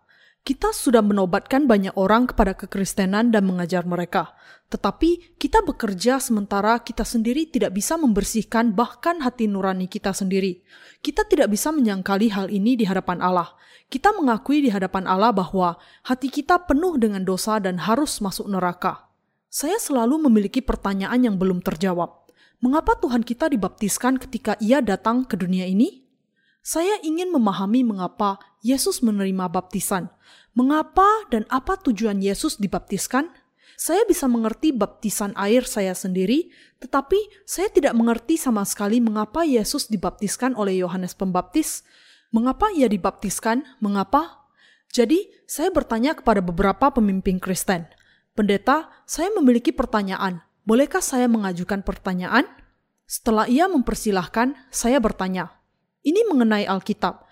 Jelas sekali bahwa Yesus memang menerima baptisan dari Yohanes di dalam Perjanjian Baru, tetapi saya tidak yakin alasan mengapa ia dibaptiskan. Apakah Anda tahu, pendeta? Mereka kemudian tersenyum dan berkata, "Apakah Anda tidak tahu? Itu adalah sesuatu yang sudah diketahui bahkan oleh anak-anak sekolah minggu." Hal itu bisa ditemukan di dalam bahasa asli Alkitab dan juga di dalam kamus-kamus. Bukankah baptisan Yesus adalah untuk mengajarkan kepada kita dengan teladan sebagai contoh dan untuk menunjukkan kepada kita kerendahan hatinya? Kemudian saya bertanya, tetapi pendeta, kalau jawabannya sangat sederhana, anak-anak sekolah minggu memang pasti juga tahu. Saya sudah menyelidiki di bahasa asli dan sejarahnya, tetapi baptisannya bukan hanya berarti demikian. Tidakkah ada alasan yang sesungguhnya mengapa Yesus dibaptiskan oleh Yohanes? Saya terus bertanya. Saya mulai mencari jawaban yang benar setelah saya menjadi orang Kristen. Saya tidak memiliki pilihan kecuali memakai waktu bertahun-tahun berusaha untuk mencari-cari jawaban untuk pertanyaan itu. Saya mencari karya para ahli berkaitan dengan pertanyaan ini. Meski saya menyelidiki, menanyakan, dan mencari semuanya, saya tidak menemukan jawaban apa pun yang menjelaskan mengenai baptisan Yesus dengan jelas dan pasti. Saya bergumul untuk mencari jawaban akhir sampai Tuhan menerangi saya dengan Injil air dan roh yang dinyatakan di dalam kain biru dan kain ungu, kain kirmizi, dan dari lenan halus. Ketika saya terjebak di dalam teka-teki yang tidak terjawab tentang baptisan Yesus, saya mendapat kesempatan menemukan Matius pasal 3 ayat 13 sampai 17. Maka datanglah Yesus dari Galilea ke Yordan kepada Yohanes untuk dibaptis olehnya. Tetapi Yohanes mencegah dia, katanya, Akulah yang perlu dibaptis olehmu, dan engkau yang datang kepadaku? Lalu Yesus menjawab, katanya kepadanya, Biarlah hal itu terjadi, karena demikianlah sepatutnya kita menggenapkan seluruh kehendak Allah. Dan Yohanes pun menurutinya. Sesudah dibaptis, Yesus segera keluar dari air, dan pada waktu itu juga langit terbuka, dan ia melihat roh Allah seperti burung merpati turun ke atasnya. Lalu terdengarlah suara dari surga yang mengatakan, Inilah anakku yang kukasihi, kepadanya lah aku berkenan. Setelah membaca firman ini, saya akhirnya menyadari, ini dia alasan mengapa Yesus dibaptiskan adalah karena ia memang korban persembahan di dalam perjanjian lama. Inilah kebenaran keselamatannya yang tersembunyi di dalam kain biru dan kain ungu, kain kirmizi, dan dari lenan halus. Yohanes Pembaptis memang adalah Elia yang dijanjikan di dalam perjanjian lama yang akan diutus oleh Allah. Allah mengatakan di dalam Maleaki pasal 4 ayat 5 bahwa ia akan mengutus Elia di hari akhir. Dan Matius pasal 11 ayat 14 mengatakan bahwa Elia yang dijanjikannya ini bukan lain dari Yohanes Pembaptis. Jadi saya menemukan tentang Elia, tetapi saya masih belum yakin tentang alasan Yesus dibaptiskan oleh Yohanes Pembaptis. Kemudian saya kembali kepada Matius pasal 3 ayat 13 sampai 17 dan membaca bagian ini sekali lagi. Biarlah hal itu terjadi karena demikianlah sepatutnya kita menggenapkan seluruh kehendak Allah. Sesudah dibaptis, Yesus segera keluar dari air. Inilah anakku yang kukasihi, kepadanya lah aku berkenan. Semua keraguan saya kemudian dipecahkan untuk menggenapi segala kebenaran, ia sungguh-sungguh menerima baptisannya. Yesus memang menggenapi karya kebenaran yang menyelamatkan semua manusia melalui baptisannya. Baptisan adalah sama dengan penumpangan tangan di dalam perjanjian lama, seperti tangan diletakkan di atas kepala korban persembahan sesuai dengan korban persembahan di kemah suci, supaya orang-orang berdosa untuk bisa membawa korban persembahan ke depan mesbah korban bakaran untuk menumpangkan tangan ke atas korban dan dengan itu mengakui dosa-dosa mereka dan menanggungkan kepada korban persembahan untuk imam besar mengakui segala dosa bangsa Israel dan menanggungkan semuanya di korban persembahan bagi bangsa Israel dan bagi dirinya, dan untuk Yesus dibaptiskan oleh Yohanes Pembaptis di masa Perjanjian Baru, semua itu saling berkaitan. Saya akhirnya menyadari bahwa Yesus sudah menerima baptisannya, penumpangan tangan, untuk menanggung segala dosa ke atas dirinya, segala dosa dunia, dan untuk melenyapkan segala dosa manusia. Dikatakan bahwa Yesus menyelamatkan orang berdosa dari dosa-dosa mereka. Dikatakan bahwa Yesus menggenapi kebenaran Allah dengan dibaptiskan dan mencurahkan darahnya. Itu berarti dengan kata lain bahwa ia menanggung segala dosa dengan baptisannya. Semua teka-teki kemudian terpecah karena sekarang kita memahami apa yang membuat kita bingung dan menyimpang. Karena Yesus menanggung segala dosa kita dengan baptisannya sehingga ia naik ke kayu salib dan mati sebagai penghukuman bagi dosa-dosa itu. Inilah kebenaran yang ditemukan di dalam Injil, air, dan roh.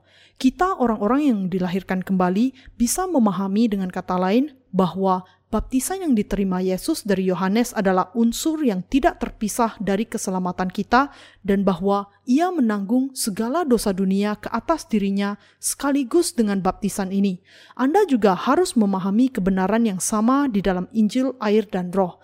Hanya dengan ini jiwa Anda bisa diterangi. Kita tidak bisa sebenarnya melupakan hari ketika Yesus menerima baptisan dari Yohanes. Kita tidak bisa melupakan hari ketika kita menyadari bahwa dosa-dosa kita sudah ditanggungkan kepada Yesus. Kita harus melihat perubahan terjadi di dalam hati kita dengan kesadaran akan kebenaran ini. Semua itu menyebar di dalam hati kita seperti ombak yang terjadi di permukaan danau. Dengan menembus kegelapan, terang yang bersinar masuk ke dalam hati kita, memungkinkan kita mengenal kebenaran keselamatan. Baptisan yang diterima Yesus menanggungkan segala dosa dunia ke atas dirinya. Setelah membaca Matius pasal 3 ayat 13 sampai 17, saya tidak bisa berkata-kata dalam waktu yang lama. Meskipun saya penuh dosa, Yesus menerima baptisan dan mengatakan, "Biarlah hal itu terjadi, karena demikianlah sepatutnya kita menggenapkan seluruh kebenaran." Karena itu, alasan mengapa ia harus mencurahkan darahnya di kayu salib, kain kirmizi, adalah baptisan Yesus, kain biru. Yesus ini adalah Allah sendiri, kain ungu. Dan dengan firman perjanjian lama dan perjanjian baru, kain lenan halus, ia sudah mengajarkan kepada kita kebenaran sejati tentang keselamatan. Yesus dengan kata lain menanggung segala dosa kita. Apakah kita kemudian masih memiliki dosa atau tidak? Ketika Yesus dibaptiskan oleh Yohanes Pembaptis, dosa-dosa semua manusia ditanggungkan kepadanya. Apakah dosa-dosa kita ditanggungkan kepadanya juga? Apakah dosa-dosa dunia ditanggungkan kepadanya pada saat itu? Apakah dosa-dosa yang sudah kita miliki ketika kita masih ada di rahim ibu termasuk dosa-dosa dunia atau bukan? Bagaimana dengan dosa-dosa yang kita lakukan ketika kita berusia satu tahun? Bagaimana dengan dosa-dosa yang kita lakukan ketika masih kecil? Tidakkah semuanya itu tergolong ke dalam dosa-dosa dunia? Kita harus menanyakan pertanyaan itu juga untuk meyakinkan bahwa kita sedang memiliki dasar yang benar. Demikian, iman adalah meyakinkan diri bahwa kita sedang berdiri di tempat yang benar dengan firman Allah. Dosa-dosa yang kita lakukan di masa kanak-kanak kita termasuk dosa-dosa dunia, seperti juga dosa-dosa yang kita lakukan di masa remaja juga termasuk dosa-dosa dunia. Segala dosa yang kita lakukan di sepanjang kehidupan kita tanpa menyebut dosa-dosa di masa dewasa kita adalah dosa-dosa dunia juga. Segala dosa dunia sudah ditanggungkan kepada Yesus. Tidakkah demikian? Tentu saja begitu. Sudah tertulis bahwa Tuhan kita menanggung bukan hanya dosa-dosa kita, tetapi segala dosa dari semua manusia. Kemudian kita menyadari segala dosa kita memang sudah ditanggungkan kepada Yesus. Apakah kita masih memiliki dosa? Tidak, kita tidak lagi memiliki dosa yang tertinggal di dalam diri kita. Karena Yesus sungguh-sungguh dibaptiskan oleh Yohanes, sehingga Yohanes Pembaptis menyaksikan, "Lihatlah Anak Domba Allah yang menghapus dosa dunia." Yohanes pasal 1 ayat 29. Yesus menanggung segala dosa setiap manusia yang pernah dan akan hidup sejak awal sampai akhirnya. Segala dosa yang dilakukan manusia di sepanjang kehidupan dan bahkan dosa-dosa anak-anak semua orang sudah ditanggung oleh Yesus. Tidak peduli betapa lamanya dunia ini akan bertahan, apakah ribuan tahun atau jutaan tahun, Tuhan kita menanggung segala dosa semua orangnya dengan baptisan, membawa dosa-dosa itu di atas bahunya ke kayu salib, disalibkan, dan dengan itu menerima semua penghukuman dosa bagi kita. Itulah yang kita pahami. Saat kita orang-orang yang dilahirkan kembali sungguh-sungguh memahami bahwa Yesus bangkit dari kematian dan menjadi juru selamat kita karena ini dan saat kita percaya demikian semua pertanyaan kita terjawab. Dengan baptisan yang diterimanya dan curahan darahnya di kayu salib, Tuhan membereskan semua dosa kita. Inilah sebabnya Alkitab berbicara mengenai kain biru dan kain ungu, kain kirmizi dan dari lenan halus di pintu gerbang perantaran kemah suci. Dan sebabnya Alkitab menjelaskan di dalam 1 Yohanes pasal 5 ayat 4 sampai 6 bahwa Yesus datang bukan hanya dengan air tetapi dengan air dan darah. Kita kemudian bisa memahami. Jadi, inilah sebabnya Alkitab mengatakan bahwa Juru selamat kita, Yesus, menggenapi seluruh kebenaran Allah dengan menerima baptisannya. Inilah kebenaran. Namun, para pemimpin Kristen tidak mengajari kita kebenaran ini karena mereka tidak memahaminya. Kita menjadi tidak berdosa ketika kebenaran Allah dari kain biru dan kain ungu, kain kirmizi dan dari lenan halus menjelaskan bahwa kita tidak berdosa. Tidak seorang pun bisa menerima keselamatan orang lain. Tidak ada gunanya mendapatkan kata pujian dari orang lain. Bagaimana seseorang bisa mengatakan kepada kita bahwa kita orang Kristen yang sangat baik atau bahkan memberi kita nilai orang Kristen yang A+, yang bisa merupakan keselamatan kita dari dosa? Kita menjadi tidak berdosa bukan ketika orang menerima kita, tetapi hanya ketika firman Allah menjelaskan bahwa Kristus melenyapkan segala dosa kita dengan kain biru dan kain ungu, kain kirmizi, dan dari lenan halus. Firman Allah menjelaskan bahwa Yesus bukan hanya membuat dosa-dosa saya lenyap, tetapi juga dosa-dosa Anda. Dijelaskan bahwa karena Yesus Kristus yang adalah Mesias sudah membuat segala dosa manusia dilenyapkan, kita kemudian akan menerima pengampunan dosa kalau kita percaya. Inilah caranya kita bisa masuk ke dalam pintu gerbang perantaran kemah suci dengan menerima pengampunan dosa melalui air dan roh. Apakah iman yang sempurna? Pintu gerbang perantaran terbuat dari kain biru dan kain ungu, kain kirmizi, dan dari lenan halus. Semua orang harus memiliki iman yang sempurna yang percaya bahwa Tuhan kita datang ke dunia ini dan kemudian menyelamatkan kita dari dosa kita. Ketika kita percaya bahwa Tuhan dilahirkan ke dalam dunia ini dalam rupa manusia, dibaptiskan oleh Yohanes, mati di kayu salib, bangkit kembali dari kematian, dan dengan itu menjadi juru selamat kita, kita semua bisa menjadi anak-anak Allah. Meskipun tindakan kita kurang, dan meski daging kita tidak berharga, dengan percaya kepada kain biru dan kain ungu, kain kirmizi, dan dari lenan halus di dalam hati kita, kita sudah menjadi tidak berdosa. Karena itu, untuk menjadi orang benar hanya dimungkinkan melalui iman. Dengan percaya kepada keselamatan yang dinyatakan melalui kain biru dan kain ungu, kain kirmizi dan dari lenan halus, kita sudah menggenakan kebenaran Allah. Dengan percaya kepada Injil, air, dan roh, singkatnya kita sudah menjadi anak-anak Allah. Beberapa di antara Anda mungkin belum sepenuhnya mengerti. Kalau demikian, yang harus Anda lakukan adalah mempelajari buku ini dan mengikuti gereja Allah. Sampai saat ini, kita hanya mendiskusikan aspek umum dari kemah suci. Tetapi kalau Anda mulai membaca penjelasan yang terperinci, Anda semua akan bisa menggenapi pemahaman tentang kemah suci. Hal itu sangat mudah sampai anak kecil saja bisa menangkapnya. Kalau orang harus mendasari iman mereka kepada pemahaman yang kasar tentang Yesus, mereka tidak akan pernah diselamatkan dari dosa mereka. Tidak peduli sudah berapa lama mereka percaya kepada Yesus, selama ribuan atau puluhan ribu tahun ke depan mereka masih tetap memiliki dosa setiap hari. Mereka kemudian akan menangis setiap hari karena mereka tidak bisa lepas dari kutuk atas dosa-dosa mereka. Ketika keadaan mulai terasa baik untuk mereka, mereka berpikir bahwa Allah sedang menolong mereka. Tetapi ketika keadaan menjadi buruk, bahkan meski hanya sedikit, mereka bertanya-tanya, apakah ini karena saya tidak memberi perpuluhan? Atau karena saya tidak berbakti hari minggu yang lalu? Saya sudah berdosa dan gagal melayani Allah dengan baik, dan saya rasa Ia menghukum saya karena kesalahan itu. Dengan cara ini, mereka akhirnya terkurung oleh Taurat, karena Alkitab mengatakan bahwa Taurat membangkitkan murka. Roma pasal 4 ayat 15. Untuk sungguh-sungguh memiliki iman yang penuh ini, kita harus mengerti dengan benar dan percaya kepada keempat pelayanan kulit lumba-lumba yang datang kepada kita melalui kain biru dan kain ungu, kain kirmizi, dan dari lenan halus. Kita harus memahami kebenaran yang diberikan oleh Yesus Kristus. Hanya kalau kita memiliki pengertian yang jelas tentang keempat kebenaran ini dan percaya kepada hal itu saja, kita bisa memiliki iman yang penuh di hadapan Allah dan kita bisa sungguh-sungguh menjadi anaknya yang sempurna.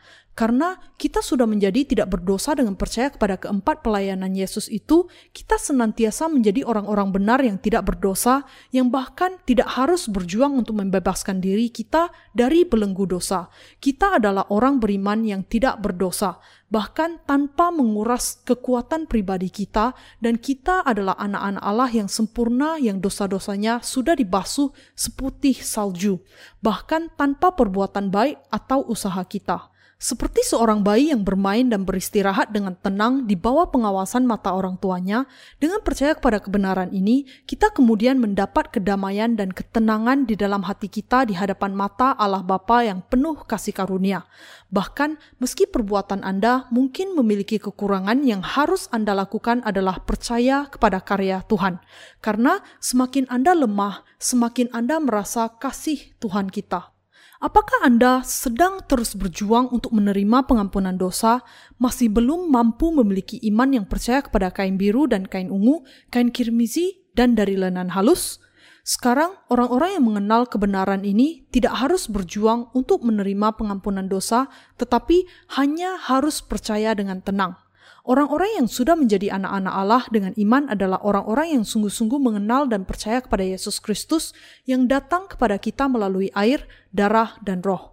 Mereka melayani Allah bukan dengan tindakan berpura-puraan, tetapi mereka mengasihi dan melayani Dia dengan iman terlebih dahulu.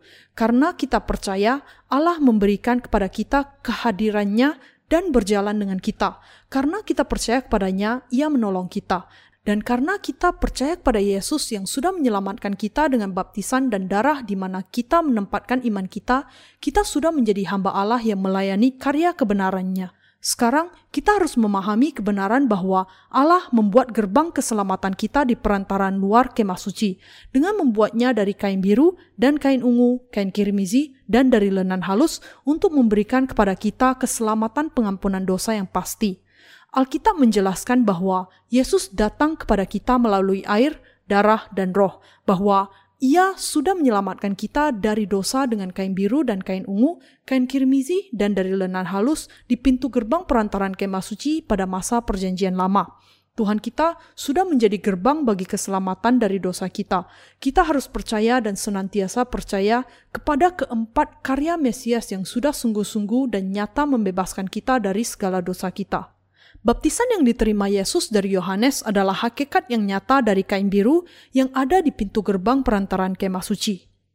Mari kita membuka Matius pasal 3 ayat 13 sampai 17 lagi.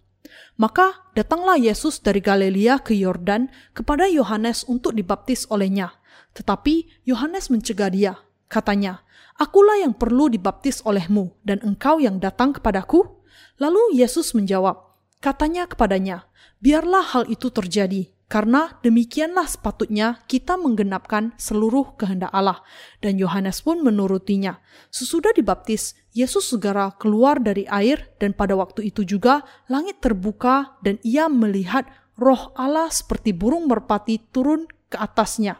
Lalu terdengarlah suara dari surga yang mengatakan, Inilah anakku yang kukasihi, kepadanya lah aku berkenan. Pada saat itu, ketika Yesus dibaptis, sudah 30 tahun sejak ia dilahirkan oleh anak darah Maria. Kata maka di sini menunjuk kepada waktu ketika Yohanes Pembaptis dan juga Yesus berusia 30 tahun. Yohanes Pembaptis yang dilahirkan enam bulan sebelum Yesus adalah wakil manusia di dunia ini yang memberikan kepada mereka baptisan pertobatan. Matius pasal 3 ayat 11, pasal 11 ayat 11. Ketika Yesus berusia 30 tahun, ia datang kepada Yohanes yang sedang membaptis orang di sungai Yordan untuk dibaptiskan. Tetapi Yohanes Pembaptis berusaha untuk mencegahnya dan mengatakan, Akulah yang perlu dibaptis olehmu dan engkau yang datang kepadaku? Yesus kemudian menjawab, biarlah hal itu terjadi karena demikianlah sepatutnya kita menggenapkan seluruh kebenaran. Yohanes kemudian bersedia dan Yesus dibaptiskan olehnya. Alkitab juga menuliskan bahwa ketika Yesus selesai dibaptiskan, langit terbuka baginya dan suatu suara terdengar yang mengatakan, "Inilah anakku yang kukasihi, kepadanyalah aku berkenan." Dalam Matius pasal 3 ayat 15 ini, Yesus menjelaskan alasan mengapa ia dibaptiskan oleh Yohanes. Kebenaran ini menunjuk kepada kain biru di kemah suci. Biarlah hal itu terjadi, karena demikianlah sepatutnya kita menggenapkan seluruh kebenaran. Tujuan dari baptisan yang diterima Yesus dari Yohanes adalah untuk mengampuni semua kesalahan orang berdosa melalui karyanya yang dinyatakan di kain biru dan kain ungu dan kain kirmizi di kemah suci. Karena demikianlah sepatutnya kita menggenapkan seluruh kebenaran bahwa Yesus Kristus akan menanggung segala dosa semua manusia ke atas dirinya dengan dibaptiskan oleh Yohanes Pembaptis adalah kasih kebenaran Allah dan penggenapan karya keselamatan bagi semua orang berdosa. Seperti yang dikatakan Yohanes pasal 3 ayat 16.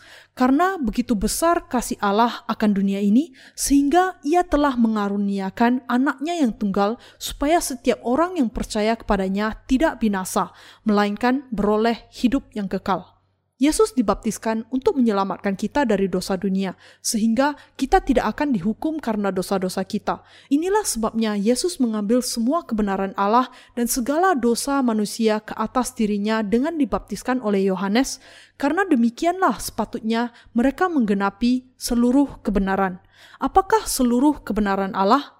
Ayat di atas menjelaskan bahwa alasan mengapa Yesus dibaptiskan oleh Yohanes Pembaptis adalah untuk menggenapi seluruh kebenaran Bapa. Di sini kita perlu menemukan apa sebenarnya kebenaran Allah itu seluruh kebenaran menunjuk kepada kenyataan bahwa Yesus Kristus dengan dibaptiskan oleh Yohanes menanggung segala dosa manusia ke atas dirinya. Dengan baptisannya, ia menanggung segala dosa dunia ke atas dirinya sekaligus. Seperti tujuan dari kelahirannya adalah untuk menghapus segala dosa sekaligus, baptisan yang diterima Yesus dari Yohanes sungguh-sungguh kebenaran. Untuk menggenapi seluruh kebenaran Allah berarti menggenapi karya kebenaran yang membuat segala dosa dunia dilenyapkan, yaitu untuk menggenapi keselamatan. Baptisan Yesus adalah cara yang tidak bisa ditiadakan di mana Allah akan menyelamatkan kita dari dosa. Allah menetapkan di dalam perjanjian lama bahwa untuk menghapus segala dosa kita, ia akan memunculkan Yohanes Pembaptis sebagai wakil manusia, membuat dia membaptiskan anaknya Yesus Kristus dan dengan itu menanggungkan segala dosa kita kepada anaknya. Tidak lain dari ini adalah karya kasih karunia Allah. Karena Allah sangat mengasihi kita, Allah membuat Yesus dibaptiskan oleh Yohanes untuk menjadikan kita sebagai anak-anaknya dan menggenapi karya kebenaran penghapusan dosa-dosa kita. Inilah sebabnya Allah mengatakan, setelah Yesus dibaptiskan dan keluar dari air, Inilah anakku yang kukasihi, kepadanyalah aku berkenan. Yesus Kristus dengan kata lain datang ke dunia ini dan melalui cara dibaptiskan oleh Yohanes, ia menanggung segala dosa kita sekaligus dengan cara yang paling tepat dan kemudian menjadi korban persembahan untuk melenyapkan segala dosa kita. Karena anak Allah sudah dibaptiskan bagi kita dan karena ia kemudian menerima segala dosa ke atas dirinya sehingga ia membawa semua dosa itu ke kayu salib, disalibkan dan mencurahkan darahnya yang mahal dan dengan itu menjadi juru selamat bagi kita. Yesus sudah menyelamatkan kita yang percaya, dengan kata lain, dengan dibaptis bagi dosa-dosa kita, mengorbankan dirinya dengan darahnya di kayu salib, dan bangkit kembali dari kematian. Dan setelah bangkit dari kematian, serta menggenapkan karya keselamatannya, ia sekarang duduk di sebelah kanan tata Allah, dan kalau saatnya tiba, ia pasti akan datang kembali. Kebenaran ini adalah Injil, air, dan roh, dan inti dari keselamatan. Di pintu gerbang perantaran kemah suci, keluaran pasal 27 ayat 16 menuliskan, Tetapi untuk pintu gerbang perantaran itu, tirai 20 hasta dari kain biru dan kain ungu muda, kain kirmizi dan dari lenan halus yang dipinta benangnya, tenunan yang berwarna-warna dengan empat tiangnya dan empat alas tiang itu. Jadi, pintu gerbang perantaraan kemah suci terbuat dari kain biru dan kain ungu, kain kirmizi, dan dari lenan halus. Ini menjelaskan kebenaran bahwa kita masuk ke dalam kerajaan surga dengan percaya pada anugerah keselamatan. Kain biru untuk membuat gerbang perantaraan kemah suci menunjuk kepada kenyataan bahwa segala dosa kita ditanggungkan kepada Yesus ketika ia datang ke dunia ini dan dibaptiskan. Kain ungu menjelaskan bahwa Yesus Kristus yang sudah dibaptiskan bagi dosa-dosa kita pada dasarnya adalah Sang Pencipta sendiri yang menciptakan seluruh alam semesta dan segala sesuatu yang ada di dalamnya. Tuhan, Anda, dan saya. Ungu adalah warna raja. Yohanes pasal 19 ayat 2 sampai 3 dan dengan itu menjelaskan bahwa Yesus Kristus adalah raja segala raja dan Tuhan atas segalanya. Kata Kristus berarti yang diurapi dan hanya raja imam, dan nabi yang bisa diurapi. Dengan demikian, meskipun Yesus Kristus datang ke dunia ini dalam rupa manusia, identitasnya yang sebenarnya adalah Raja segala raja. Yesus dengan kata lain adalah Tuhan dan pencipta atas seluruh alam semesta. Yesus adalah Allah yang maha kuasa sendiri dan anak tunggal Allah Bapa. Kain kirmizi yang dipakai untuk gerbang kemah suci menunjuk kepada pengorbanan yang dibuat oleh raja itu. Setelah datang ke dunia ini dalam rupa manusia dan menanggung segala dosa ke atas dirinya dengan baptisannya, ia disalibkan dan mencurahkan darahnya di kayu salib. Yesus Kristus membayar upah dosa bagi kita dengan dibaptiskan, mencurahkan darahnya yang mahal, dan dengan itu mengorbankan dirinya bagi kita. Kain kirmizi menyatakan pengorbanan darah Yesus Kristus. Yang terakhir, Kain lenan halus menunjuk kepada firman Allah yang terperinci di dalam Perjanjian Lama dan Perjanjian Baru. Alkitab menjelaskan tentang keselamatan kita di dalam Perjanjian Lama dan Perjanjian Baru.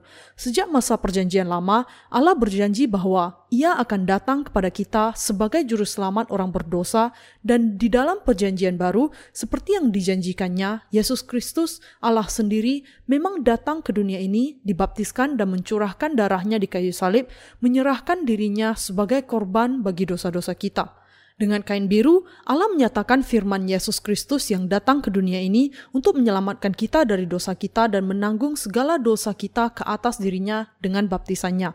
Dan dengan kain ungu, ia menyatakan bahwa dia yang dibaptiskan itu adalah Allah sendiri. Dan dengan kain kirmizi, Allah menyatakan bahwa ia sudah menyelamatkan Anda dan saya dari dosa-dosa kita dengan datang ke dunia ini sebagai juru selamat kita, dibaptiskan, membawa segala dosa dunia ke kayu salib dan mencurahkan darahnya yang mahal bahwa keselamatan ini datang dengan firman Allah yang dijanjikan di dalam Perjanjian Lama, di sisi lain dinyatakan dengan kain lenan halus. Inilah sebabnya pintu gerbang perantaran kemah suci terbuat dari kain biru dan kain ungu, kain kirmizi, dan dari lenan halus. Ketika kita melihat pintu gerbang perantaran kemah suci, gerbang ini menyatakan dan menunjukkan kepada kita secara jelas tentang bagaimana Allah sudah menyelamatkan kita dari dosa dan menjadikan kita umatnya. Dengan itu, kita semua harus percaya kepada makna rohani dari keempat kain yang dipakai untuk pintu gerbang perantaran kemah suci. Berbicara mengenai warna di pintu gerbang perantaran kemah suci, Alkitab terlebih dahulu menyebutkan kain biru. Kita sering berpikir bahwa urutannya adalah kain ungu, kain biru, dan kain kirmizi. Tetapi Alkitab dengan jelas memberikan urutannya kain biru, dan kain ungu dan kain kirmizi. Ini menunjukkan kepada kita pentingnya kain biru itu. Ketika Yesus Kristus yang memang datang ke dunia ini sebagai juru selamat tidak dibaptiskan oleh Yohanes, kita tidak akan bisa dibasuhkan dari dosa-dosa kita. Inilah sebabnya Yesus untuk menyelamatkan kita dari dosa dunia dibaptiskan oleh Yohanes dan disalibkan. Semua dalam ketaatan kepada kehendak Bapa. Yesus adalah Tuhan alam semesta yang menciptakan segala sesuatu, dan Ia adalah Allah kita. Ia adalah Allah sendiri yang sudah membuat kita dilahirkan ke dunia ini, yang memberikan kepada kita kehidupan baru dan yang menguasai kehidupan kita. Bagi Dia, untuk menyelamatkan kita dari dosa kita, Ia harus dibaptiskan oleh wakil semua manusia, dan dengan itu menanggung segala dosa ke atas dirinya dengan dibaptiskan oleh Yohanes dengan kata lain bahwa Yesus sudah menjadi juru selamat kita yang sejati untuk membebaskan kita dari segala dosa kita sehingga Yesus Kristus datang ke dunia ini dan untuk menanggung segala dosa ke atas dirinya sehingga ia dibaptiskan. Kalau bukan karena baptisannya, Kristus tidak akan bisa disalibkan. Inilah sebabnya pintu gerbang perantaraan menunjukkan kepada kita dengan jelas betapa pastinya Yesus Kristus sudah menyelamatkan kita dari dosa, yaitu cara yang tepat bagi keselamatannya.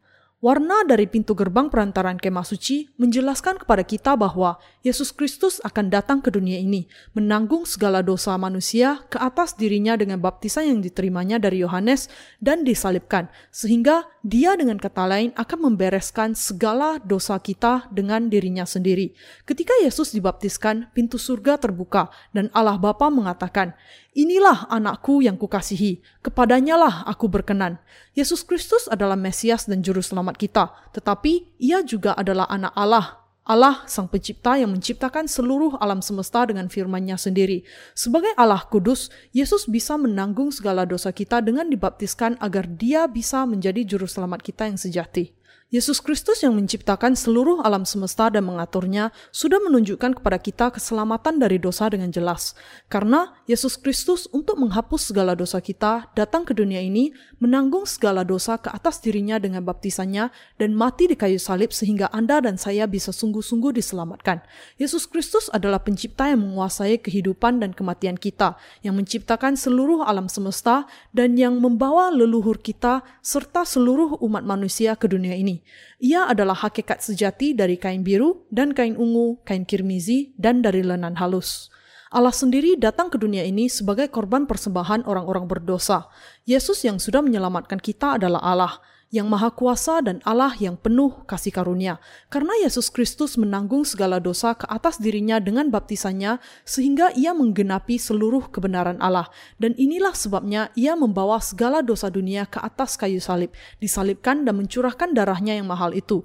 Sama seperti hal itu dinyatakan di dalam pintu gerbang perantaran kemah suci, Yesus Kristus menjadi korban persembahan kita sendiri yang menghapus segala dosa kita semua. Inilah sebabnya bukan hanya pintu gerbang perantaran kemah suci, tetapi juga gerbang tempat kudus, gerbang tempat maha kudus, dan bahkan penutup rumah Allah semua terbuat dari kain biru dan kain ungu, kain kirmizi, dan dari lenan halus. Karena Yesus Kristus dibaptiskan bagi Anda dan saya, sehingga Anda dan saya dibasuh dari dosa kita dengan percaya kepada hal itu. Yesus dibaptiskan untuk menggenapkan seluruh kebenaran, dan kebenaran ini digenapkan dengan menanggung segala dosa manusia ke atas dirinya melalui baptisannya. Yang harus kita lakukan karena itu adalah memahami bahwa segala dosa kita juga ditanggungkan kepada Yesus pada saat itu dan percaya demikian. Namun, ada banyak orang Kristen yang percaya kepadanya secara sembarangan dan sembrono. Mereka terlalu keras kepala untuk meninggalkan iman agama kedurhakaan mereka melawan Allah sejak awal. Kita harus percaya kepadanya sesuai dengan cara keselamatan yang sudah diberikannya kepada kita. Yesus mengatakan, Akulah jalan kebenaran dan hidup. Yohanes pasal 14 ayat 6. Ia sedang mengatakan kepada kita, Akulah jalan yang membawa kamu ke surga. Akulah gembala, jalan dan kebenaran. Aku memang kehidupan yang menyelamatkan kamu. Dengan menyelamatkan kita dari dosa kita, Yesus Kristus sudah menjadi Tuhan kehidupan baru bagi kita. Ketika kita percaya kepada Yesus, haruskah kita memahami dan percaya kepadanya? Kita bisa diselamatkan dari dosa hanya dengan percaya kepada cara yang tepat bahwa Ia datang ke dunia ini dan menyelamatkan kita. Kata iman mengandung pemahaman seperti bersandar, berpegang kepada, dan mempercayakan diri. Orang-orang tua sering bersandar kepada anak-anak mereka kalau mereka sudah tua, karena mereka melihat bahwa hidup menjadi terlalu sulit untuk dijalani sendirian. Demikian juga, alasan kita mempercayakan diri kita kepada Allah adalah karena kita tidak bisa melenyapkan dosa-dosa kita sendiri. Bahkan kalau kita berusaha untuk tidak memiliki dosa, kita tetap saja menjalani kehidupan yang senantiasa melakukan dosa. Karena kita tidak bisa membebaskan diri kita dari dosa sehingga kita percaya kepada Allah dan meletakkan keyakinan kita kepada Yesus Kristus Juru Selamat kita dengan percaya kepada apa yang dilakukannya bagi kita. Inilah sebabnya ketika kita percaya kepada Yesus dan mencari keselamatan kita, kita harus terlebih dahulu mengerti iman yang bagaimanakah adalah iman yang benar. Lebih dari 2000 tahun yang lalu, Yesus datang ke dunia ini untuk menyelamatkan Anda dan saya, Tentunya semua manusia yang ada di dunia ini dari dosa-dosa kita. Setelah berusia 30 tahun, ia kemudian dibaptiskan oleh Yohanes Pembaptis dan dengan itu menanggung segala dosa dunia ke atas dirinya. Kita semua harus percaya kepada kenyataan ini. Kita harus percaya bahwa ketika Yesus menerima bukan hanya dosa-dosa Anda dan saya, tetapi segala dosa dunia ke atas dirinya dengan baptisannya, semua dosa, masa lalu, masa kini, dan bahkan yang akan datang, semuanya sudah ditanggung oleh Yesus Kristus. Namun, banyak orang masih mengabaikan kenyataan ini bahwa bukan hanya dosa-dosa dunia, tetapi juga dosa-dosa mereka ditanggungkan kepada Yesus ketika ia dibaptiskan dan terus percaya hanya kepada darah di kayu salib. Itulah sebabnya tidak seorang pun di antara mereka bisa membedakan iman yang benar, bahkan meski mereka sudah melihat bahwa semua gerbang di kemah suci terbuat dari kain biru dan kain ungu, kain kirmizi, dan dari lenan halus. Ketika Yesus Kristus datang ke dunia ini untuk menyelamatkan kita, Ia tidak hanya menyelamatkan kita dengan cara yang sembarangan, karena Ia sungguh-sungguh menanggung segala dosa kita ke atas dirinya dengan baptisannya dan hukuman atas dosa-dosa kita dengan penyalibannya, sehingga Anda dan saya bisa sepenuhnya diselamatkan. Inilah caranya Yesus Kristus menyelamatkan semua manusia. Inilah sebabnya Tuhan mengatakan, Barang siapa datang kepadaku, ia tidak akan kubuang. Yohanes pasal 6 ayat 37. Ketika kita mengatakan bahwa kita percaya kepada Yesus, kita tidak hanya percaya kepada pribadinya, bukan hanya kepada kemahakuasaannya, namun kita diselamatkan dengan percaya bahwa Kristus, meski ia adalah Allah, datang ke dunia ini menanggung segala dosa Anda dan saya ke atas dirinya dengan baptisannya dan dikorbankan di kayu salib bagi kita. Ketika kita melihat keselamatan yang dinyatakan di dalam kemah suci, menjadi sangat jelas bagi kita bahwa yang sebenarnya iman yang tepat yang harus kita miliki ketika kita mengaku bahwa kita percaya kepada Yesus. Saat ini, banyak orang yang percaya hanya kepada darah di kayu salib dan mengatakan dengan tiada henti, Maukah kau bebas dari beban dosa? Ada kuasa dalam darah, ada kuasa dalam darah. Lalu dengan buta berseru dengan semangat pribadi, Tuhan, aku percaya, tidak peduli bagaimana semangat mereka percaya kepada Yesus, mereka tidak akan pernah bisa bebas dari dosa-dosa mereka hanya dengan percaya kepada darah di kayu salib saja. Karena kita adalah orang-orang yang tidak akan pernah bisa dibebaskan dari dosa-dosa kita sepanjang kehidupan kita, kita sungguh-sungguh membutuhkan juru selamat. Dan juru selamat ini tidak lain dari Yesus Kristus. Yesus Kristus yang datang untuk membebaskan Anda dan saya adalah juru selamat. Raja segala raja, pencipta yang menciptakan seluruh alam semesta dan segala yang ada di dalamnya, dan Tuhan atas seluruh kehidupan kita. Ia datang ke dunia ini menanggung segala dosa ke atas dirinya dengan baptisannya dan membasuh kita dari segala dosa dengan mati di kayu salib. Kita diselamatkan dengan kata lain dengan percaya kepada Yesus Kristus yang menanggung seluruh penghukuman atas dosa-dosa kita dengan baptisan dan salibnya sebagai juru selamat kita. Inilah sebabnya pintu gerbang perantaran kemah suci sangat jelas dan tepat ditunjukkan kepada kita. Orang-orang yang percaya kepada Yesus hanya sebagai agama. Di zaman ini, orang bisa mengatakan bahwa mereka diselamatkan hanya dengan percaya kepada darah di kayu salib saja. Pengakuan yang kosong seperti itu hanyalah menunjukkan iman keagamaan mereka semata. Orang-orang ini mengatakan, kalau saya menaikkan doa pertobatan kepada Allah, Roh Kudus berbicara di dalam hati saya, "Anakku, aku sudah mengampuni dosamu." Betapa bersyukurnya saya ketika mendengar suaranya. Mereka membuat berbagai pengakuan bahwa kepercayaan mereka adalah kesaksian iman. Namun, keselamatan kita tidak berasal dari perasaan emosi kita sendiri. Namun, kita diselamatkan melalui seluruh dimensi dari seluruh kepribadian kita, pengetahuan, emosi, dan kehendak. Kita harus diselamatkan dengan kata lain, dengan pertama-tama memahami betapa Allah sudah menyelamatkan kita dan kemudian percaya kepada hal itu. Tetapi, bagaimana dengan agama? Apakah agama itu? Agama tidak lebih dari lembaga buatan manusia berdasarkan pemahaman manusia sendiri.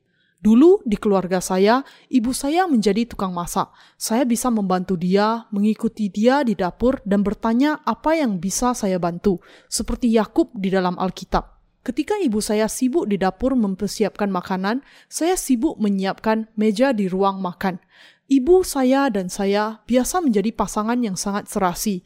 Bangun di pagi hari, kami menyalakan api menyiapkan meja dan setelah makan membersihkan dapur dengan menyapunya. Semua kegiatan pagi itu diakhiri dengan sapu itu. Ini bukan pemandangan yang umum di Korea zaman ini, Tetapi yang makin menarik adalah bahwa ada orang-orang yang menjadikan sapu yang biasa dipakai membersihkan lantai dapur tiba-tiba saja dijadikan dewa yang dianggap bisa memberikan apa saja yang diminta. Ada beberapa orang dengan kata lain, yang sungguh-sungguh berdoa kepada sapu yang sudah lapuk karena lama dipakai itu. Kebodohan yang demikian sering terjadi di dalam kehidupan kita. Bukan hanya ini, tetapi kapan saja ada kemalangan di dalam keluarga atau lingkungan, kami sering memanggil dukun untuk melakukan sihir. Karena orang-orang di zaman itu menganut kepercayaan pantiesme dan percaya bahwa Tuhan ada di mana-mana, bukan hanya sapu yang biasa dipakai untuk menyapu lantai ini dijadikan dewa, tetapi bahkan gulungan kertas yang dipakai untuk menuliskan nama-nama leluhur atau sebuah batu besar di gunung atau bahkan apa saja yang bisa dilihat dengan mata bisa dijadikan sebagai Tuhan. Saat ini, dengan berlalunya waktu, manusia sedikit demi sedikit lepas dari kebodohan ini. Tetapi saat itu, sangat sering terjadi bahwa orang menjadikan apa saja menjadi dewa. Karena itu, bisnis yang paling menguntungkan pada masa itu adalah bisnis sihir. Saya mengingat melihat tukang sihir mengulang-ulang mantra yang tidak bisa dimengerti ketika melakukan praktek sihir.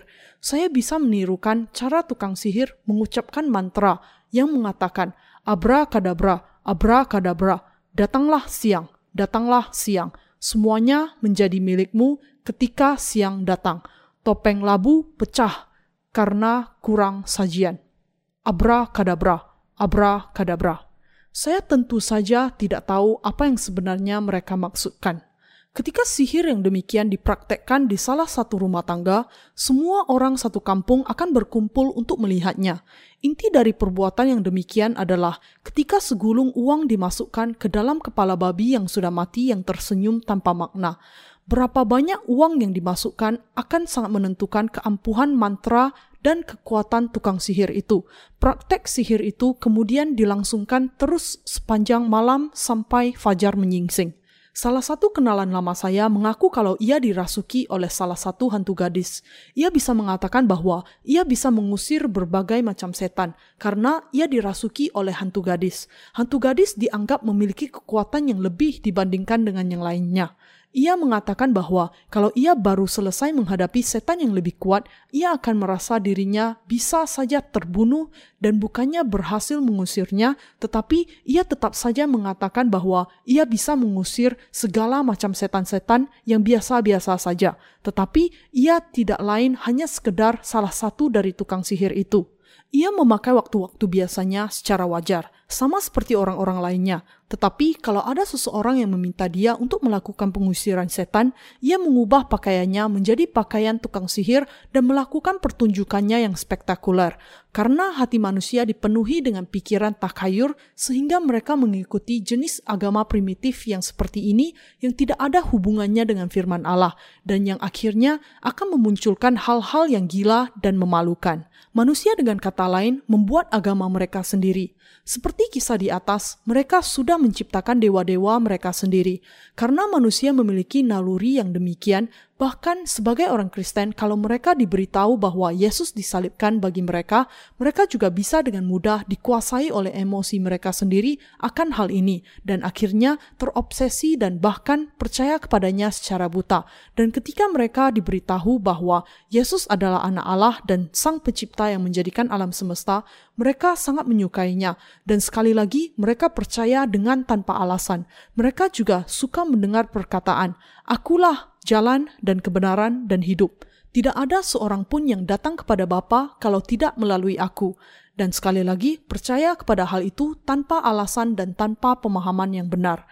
Karena tidak ada firman Allah yang salah, bahkan ketika mereka mendengar firman yang baik untuk pertama kalinya, yang mereka katakan adalah bahwa mereka mengasihi Yesus.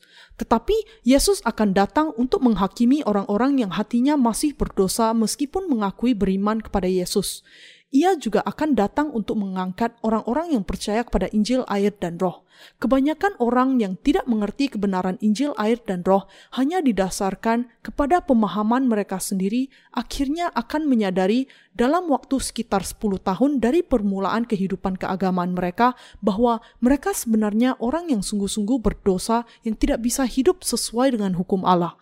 Saya juga biasa percaya kepada Yesus secara sembarangan. Saya bisa menyanyikan pujian sepanjang waktu karena sukacita yang limpah setelah bertemu Kristus. Tetapi setelah mengenal Yesus, saya mengenal hukum Taurat dan setelah mengenal hukum Taurat, saya mengenal dosa-dosa saya. Setelah mengenal dosa-dosa saya, saya kemudian menyadari bahwa akan ada penghukuman kekal atas dosa dan sebagai akibatnya diikuti oleh penderitaan atas dosa. Untuk menyelesaikan penderitaan atas dosa ini, saya kemudian menaikkan doa pertobatan saya dengan tulus. Namun, iman yang demikian sama saja dengan kepercayaan takhayul yang dengannya orang berdoa kepada segala sesuatu supaya mendapatkan berkat. Karena hati saya begitu terganggu setelah saya mengenal hukum tertulis di dalam firman Allah dan menyadari dosa-dosa saya, saya berpikir saya harus menaikkan doa pertobatan saya dan doa pertobatan yang demikian memberikan sedikit kelegaan emosi. Tetapi dosa masih tetap ada di dalam hati nurani saya dan menemukan bahwa jiwa saya masih terikat oleh dosa, saya tetap menderita.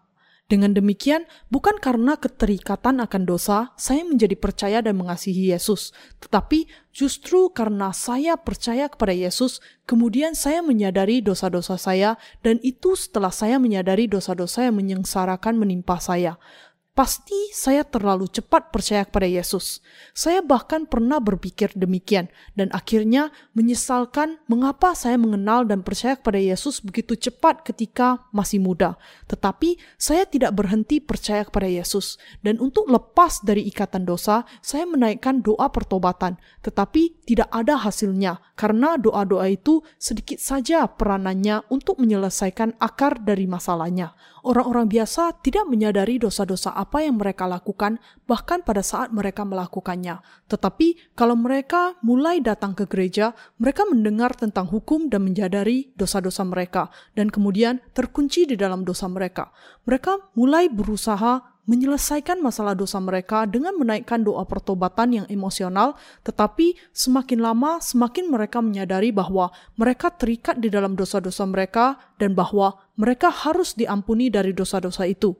Tidak peduli berapa sering mereka menaikkan doa pertobatan, semakin banyak mereka berdoa, semakin mereka menyadari dosa-dosa mereka yang jauh dari dilenyapkan, bahkan justru menjadi semakin jelas dinyatakan dan semakin mengingatkan mereka akan kehadiran dosa-dosa itu. Sejak titik itu dan seterusnya, kehidupan keagamaan orang-orang yang demikian akan semakin terasa menyakitkan dan mereka terus menderita. Mereka bertanya-tanya, saya merasa sangat senang ketika baru percaya, tetapi mengapa saya merasa bertambah buruk setelah percaya lebih dari 5-10 tahun ini? Mengapa saya begitu terganggu? Mereka menyadari bahwa keyakinan keselamatan mereka yang sudah mereka pegang dengan kuat ketika baru pertama kali percaya sudah tidak ada lagi. Karena berpikir bahwa mereka menjadi berdosa setelah percaya kepada Yesus, mereka berusaha untuk mencari doktrin yang sesuai dengan kepercayaan mereka dan akhirnya menjadi orang-orang yang sekedar beragama saja. Karena orang-orang ini tidak mengerti kebenaran bahwa Yesus sudah menyelamatkan mereka dari dosa-dosa dengan kain biru dan kain ungu, kain kirimizi dan dari lenan halus, sehingga mereka akhirnya hanya menjadi orang yang sekedar beragama. Meski mereka mengaku percaya kepada Yesus, mereka masih terganggu karena hati mereka tidak merasakan damai. Orang-orang yang demikian bahkan tidak mampu untuk mencari Tuhan yang lain, karena walau mereka berusaha mencari, mereka sudah tahu bahwa percaya kepada sesuatu selain Allah sendiri adalah penyembahan berhala, karena mereka sungguh-sungguh mengerti bahwa Yesus adalah Anak Allah dan bahwa ia saja Allah sendiri dan bahwa hanya dia juru selamat mereka, mereka lebih lagi tidak bisa percaya kepada Tuhan yang lain. Namun, karena mereka tidak mengenal kebenaran, mereka hidup di dalam penderitaan, senantiasa terganggu oleh dosa-dosa mereka. Inilah sebabnya mereka harus mengenal dan percaya kepada Yesus Kristus yang datang melalui kain biru dan kain ungu, kain kirmizi dan dari lenan halus. Orang-orang Kristen yang akhirnya menjadi orang yang sekedar beragama juga tahu bahwa Yesus adalah Raja, bahwa ia mencurahkan darahnya di kayu salib, dan bahwa firman di dalam Alkitab adalah firman Allah. Yang mereka tidak tahu, sayangnya, adalah bahwa Yesus menanggung bukan hanya dosa-dosa mereka, tetapi segala dosa di dunia ke atas dirinya melalui baptisannya, dan ketidaktahuan ini menjadi alasan mengapa mereka hidup sebagai orang berdosa meski mereka mengakui iman mereka dan mengapa mereka akhirnya akan berakhir di tempat yang disediakan bagi orang-orang berdosa. Karena orang Kristen yang sekedar beragama demikian tidak mengerti bagaimana tepatnya Yesus menyelesaikan masalah dosa mereka, mereka percaya kepada emosi mereka sendiri setiap kali emosi itu muncul. Sebagai akibatnya, kenyataannya sesungguhnya tidak sesuai dengan apa yang mereka percayai, seperti orang buta yang mau tahu gajah dengan merabanya. Inilah sebabnya mereka sungguh-sungguh tidak menyadari apa yang salah dengan iman mereka, dan inilah sebabnya mereka kebingungan lagi. Apa yang akan terjadi kepada kita kalau kita tidak percaya kepada kebenaran kain biru? Apa yang akan terjadi kalau kita percaya kepada Yesus sebagai juru selamat ketika kita meninggalkan kain biru di pintu gerbang perantaran kemah suci? Ketika Allah memerintahkan untuk membangun pintu gerbang perantaran kemah suci dengan kain biru dan kain ungu, kain kirmizi dan dari lenan halus, apa yang akan dikatakan kalau Musa justru memerintahkan bangsa Israel untuk membangun pintu gerbang perantaraan hanya dengan kain ungu, kain kirmizi, dan dari lenan halus, dan kemudian bangsa Israel menyelesaikan proses pembangunan itu? Apakah Allah akan menerima semua itu sebagai gerbang untuk kemah sucinya? ia pasti tidak akan pernah menerimanya, karena Allah memerintahkan bangsa Israel untuk membangun gerbang kemah suci dengan empat kain yang berbeda warna. Kalau kemudian dibuat tidak dengan cara demikian, hal itu tidak bisa disebut sebagai gerbang kemah suci. Tidak ada salah satu pun dari keempat kain itu yang bisa ditinggalkan. Pintu gerbang perantaran kemah suci harus dibuat dari kain biru dan kain ungu, kain kirmizi dan dari lenan halus.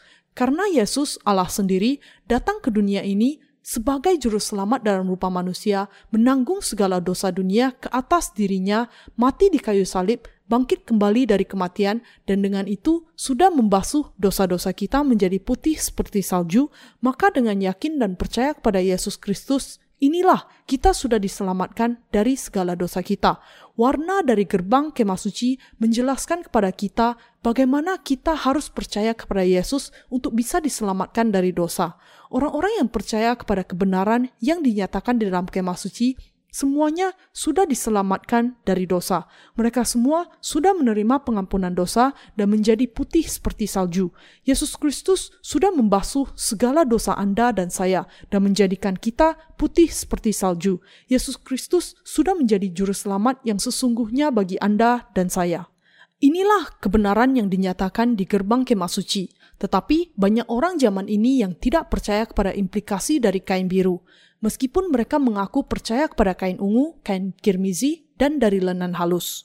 Sebagai riset awal untuk buku ini, saya pernah pergi ke sebuah toko buku Kristen. Di sana saya menemukan beberapa buku tentang kemah suci yang ditulis oleh beberapa di antara tokoh Kristen yang paling menonjol. Namun, beberapa tidak menyebutkan sama sekali tentang gerbang kemah suci, sementara yang lainnya membuat pernyataan yang sangat tidak berdasar sebagai berikut. Apa arti kain biru dan kain ungu, kain kirmizi, dan dari lenan halus di dalam kemah suci bagi kita? Biru adalah warna langit, dan karena itu menjelaskan bahwa Yesus Kristus adalah Allah. Kirmizi menunjuk pada darah Yesus yang mahal yang tercurah di kayu salib ketika ia datang ke dunia ini. Ungu menjelaskan bahwa ia adalah raja. Penafsiran yang begini jauh dari sasaran. Bahwa Yesus adalah Allah sudah dijelaskan di dalam kain ungu. Ketika Allah sudah menjelaskan kepada kita melalui kain ungu bahwa Yesus adalah Raja segala raja dan Tuhan segala Tuhan, mengapa ia mengulanginya dengan kain biru? Karena orang-orang itu tidak mengerti rahasia kain biru sehingga mereka tidak bisa menafsirkannya dengan baik. Karena mereka hanya mengenal darah di kayu salib, mereka memberikan penekanan khusus kepada kain kirmizi. Ketika melihat gambaran mereka tentang gerbang kemah suci, kita bisa melihat bahwa gerbang itu didominasi oleh warna putih dan merah. Ketika keempat warna kain biru dan kain ungu, kain kirmizi dan dari lenan halus harus nampak jelas di pintu gerbang perantaran kemah suci, gambar mereka hanya menunjukkan kain kirmizi dan kain putih tetapi sama sekali tidak menyebut mengenai kain biru. Ada begitu banyak orang di dunia ini yang sekarang ini berbicara tentang iman yang tidak dapat dipertahankan tanpa menyadari kebenaran kain biru. Ada begitu banyak orang di zaman ini yang mengatakan bahwa mereka bisa diselamatkan hanya dengan percaya kepada darah dan kayu salib Yesus saja, meskipun mereka sama sekali tidak tahu bahwa Yesus menanggung segala dosa dunia ke atas dirinya dengan baptisannya sekaligus untuk menanggung penghukuman kita. Hati orang-orang yang demikian senantiasa ada dalam keadaan berdosa, karena hari ini, besok, dan selanjutnya, bahkan sampai mereka mati, orang-orang itu senantiasa tersiksa karena tidak bisa dilepaskan dari keberdosaan mereka. Karena itu, mereka kemudian mengakui, "Aku orang berdosa di hadapan Allah sampai aku mati." Tetapi, apakah ini jenis iman yang benar? Bahwa mereka akan senantiasa menjadi orang yang berdosa sampai mereka mati meski mereka sudah percaya kepada Yesus? Setelah percaya kepada Yesus, kapankah tepatnya kita menjadi orang benar? Bukankah surga adalah tempat yang disediakan hanya untuk orang-orang yang tidak memiliki dosa karena percaya kepada baptisan dan darah Yesus? Surga memang tempat bagi orang-orang benar, bukan untuk orang-orang berdosa. Hanya orang-orang benar yang sudah pasti diselamatkan dari dosa mereka dan yang menjadi tidak berdosa yang bisa masuk ke dalam surga. Orang-orang yang menyatakan dirinya sebagai orang berdosa sampai mereka mati, bahkan ketika mereka percaya kepada Yesus, tidak memiliki keyakinan akan keselamatan mereka, betapapun seringnya mereka mengakui iman mereka kepadanya, karena mereka tidak mengenal kain biru dan kain ungu, kain kirmizi dan dari lenan halus. Bahkan saat mereka percaya kepada Yesus dan berdoa kepadanya, mereka tidak memiliki keyakinan bahwa doa-doa mereka akan dijawab. Meskipun mereka percaya kepada Yesus, mereka tidak ditolong ataupun dikasihi olehnya. Mereka mungkin saja merasa dikasihi ketika sedang dalam ibadah, tetapi ketika mereka mengendorkan ibadah mereka, mereka merasa sudah ditinggalkan oleh Allah, seolah-olah mereka dibenci oleh Allah. Mereka berpikir bahwa Allah mengasihi dan memberkati mereka hanya kalau mereka memberi persembahan persembahan dan ibadah kepadanya, dan bahwa ia tidak lagi akan mengasihi mereka kalau mereka tidak memberi persembahan kepadanya. Ketika mereka mengalami masa-masa sulit, mereka berpikir kalau Allah sudah membenci mereka dan tidak bisa mengerti bagaimana mereka harus menjalani masa-masa yang susah demikian, dan akhirnya akan menyalahkan Dia karena penderitaan mereka dan tidak bisa lagi percaya kepadanya. Pada akhirnya, kepercayaan di antara orang-orang yang demikian dengan Allah menjadi hancur. Karena iman mereka adalah hasil dari pemikiran dan emosi mereka sendiri, maka hal itu sangat sembarangan, berbahaya, dan keliru. Ketika kita menghadap Allah, kita harus menyingkirkan emosi kita. Ketika kita menghadap Allah, kita harus menghadap hanya dengan iman yang sudah jelas percaya kepada Yesus Kristus yang menyelamatkan kita, yang sebenarnya harus masuk neraka karena dosa-dosa kita dengan baptisan dan darahnya. Di hadapan firman Allah dan firman hukum, di hadapan Injil, air, dan roh, dan juga dengan hati nurani kita juga kita harus sungguh-sungguh memahami bahwa kita adalah orang-orang yang tidak bisa, tidak ditentukan untuk masuk neraka tanpa kecuali.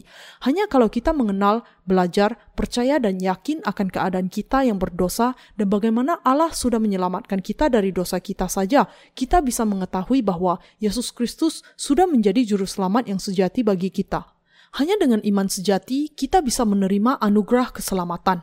Karena itu, Anda dan saya harus menyadari bahwa kita diselamatkan dari dosa dengan percaya kepada kain biru dan kain ungu, kain kirmizi dan dari lenan halus, bukan karena perbuatan baik pribadi kita. Dan kita harus mengerti serta percaya bahwa untuk menyelamatkan kita dari dosa kita, Yesus Kristus datang kepada kita dengan jelas menggunakan empat sisi kebenaran. Ia berjanji di dalam Perjanjian Lama akan datang sebagai Mesias, dan seperti janji ini, ia memang datang ke dunia ini, dan dengan baptisannya menanggung segala dosa kita dan dosa-dosa seluruh umat manusia ke atas dirinya sekaligus. Ia kemudian membawa dosa-dosa dunia itu ke kayu salib, disalibkan, mencurahkan darahnya yang mahal dan mati setelah berseru, sudah selesai. Yohanes pasal 19 ayat 30. Bangkit kembali dari kematian pada hari yang ketiga, ia bersaksi selama 40 hari lagi dan kemudian naik ke sebelah kanan tahta Allah dan berjanji akan kembali. Kita harus percaya kepada hal ini juga. Aku sudah menyelamatkanmu secara pasti dengan pelayananku berupa kain biru dan kain ungu, kain kirmizi dan dari lenan halus.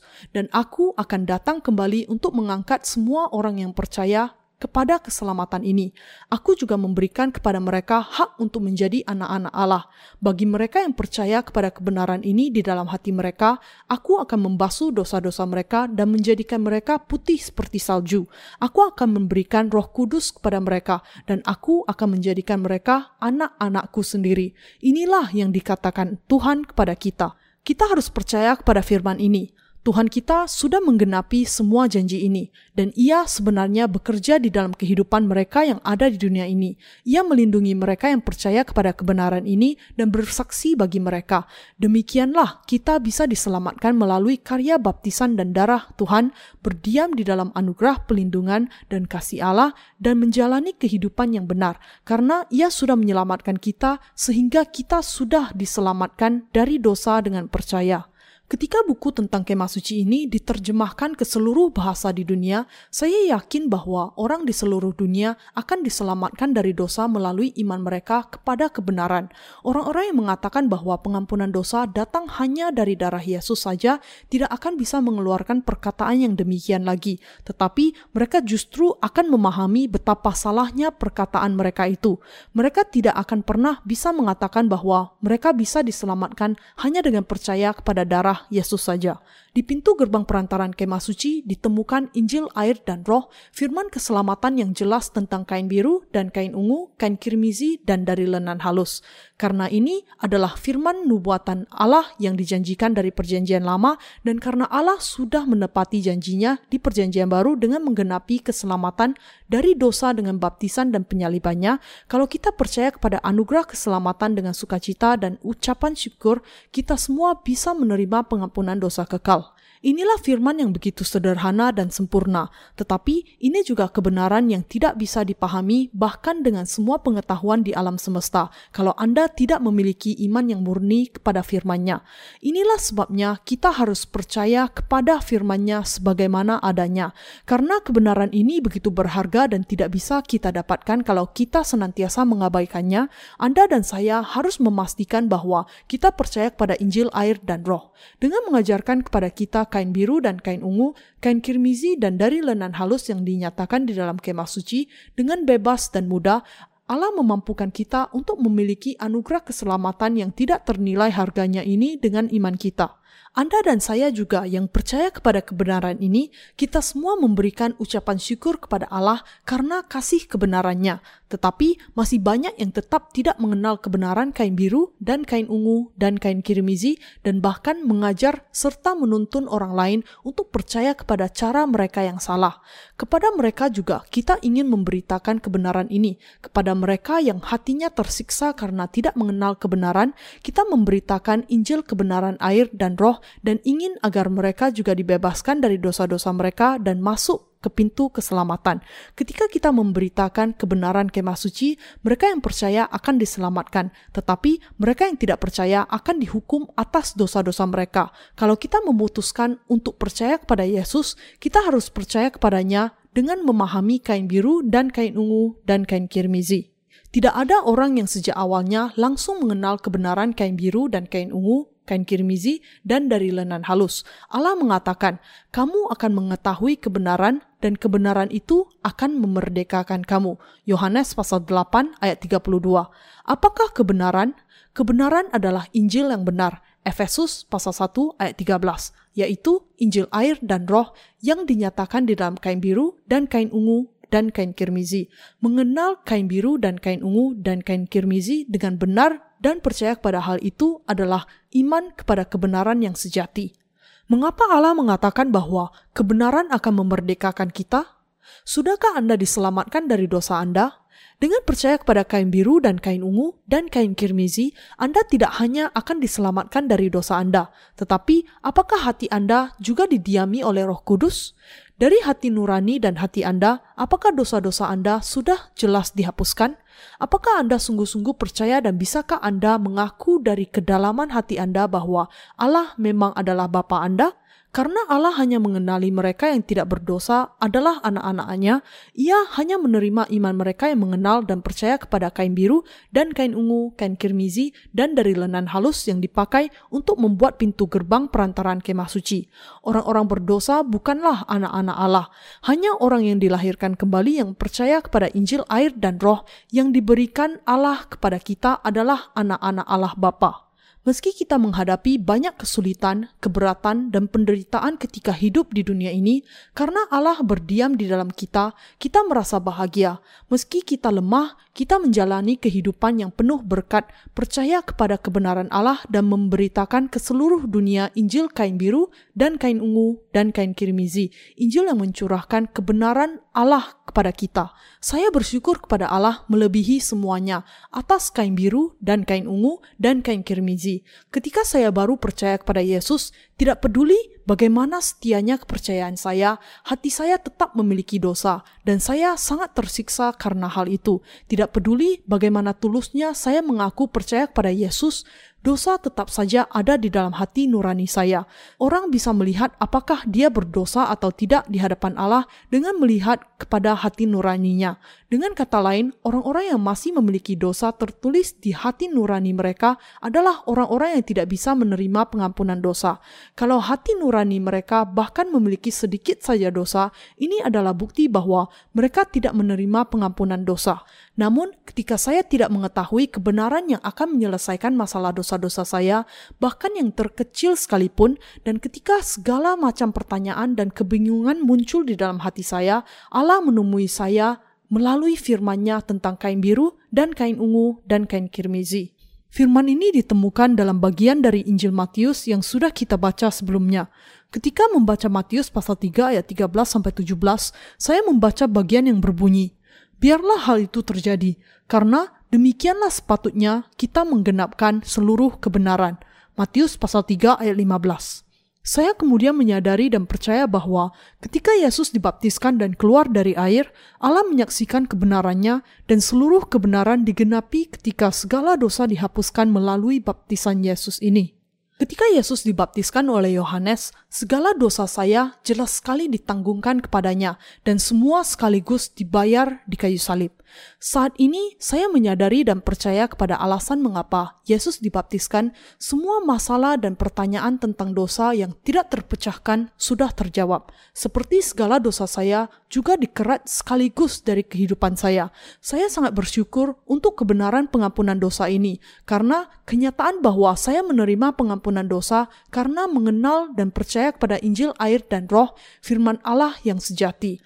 Tuhan datang kepada kita melalui firman tertulis ini, dan saya menerima pengampunan dosa melalui firman, air, dan roh ini, dan mempercayainya di dalam hati saya. Sejak saat itu, melalui firman perjanjian lama dan perjanjian baru, saya sudah menyaksikan Injil kain biru dan kain ungu dan kain kirmizi kepada banyak orang, dan bahkan sekarang pun saya terus menyebarkan semua kebenaran dan rahasia keselamatan.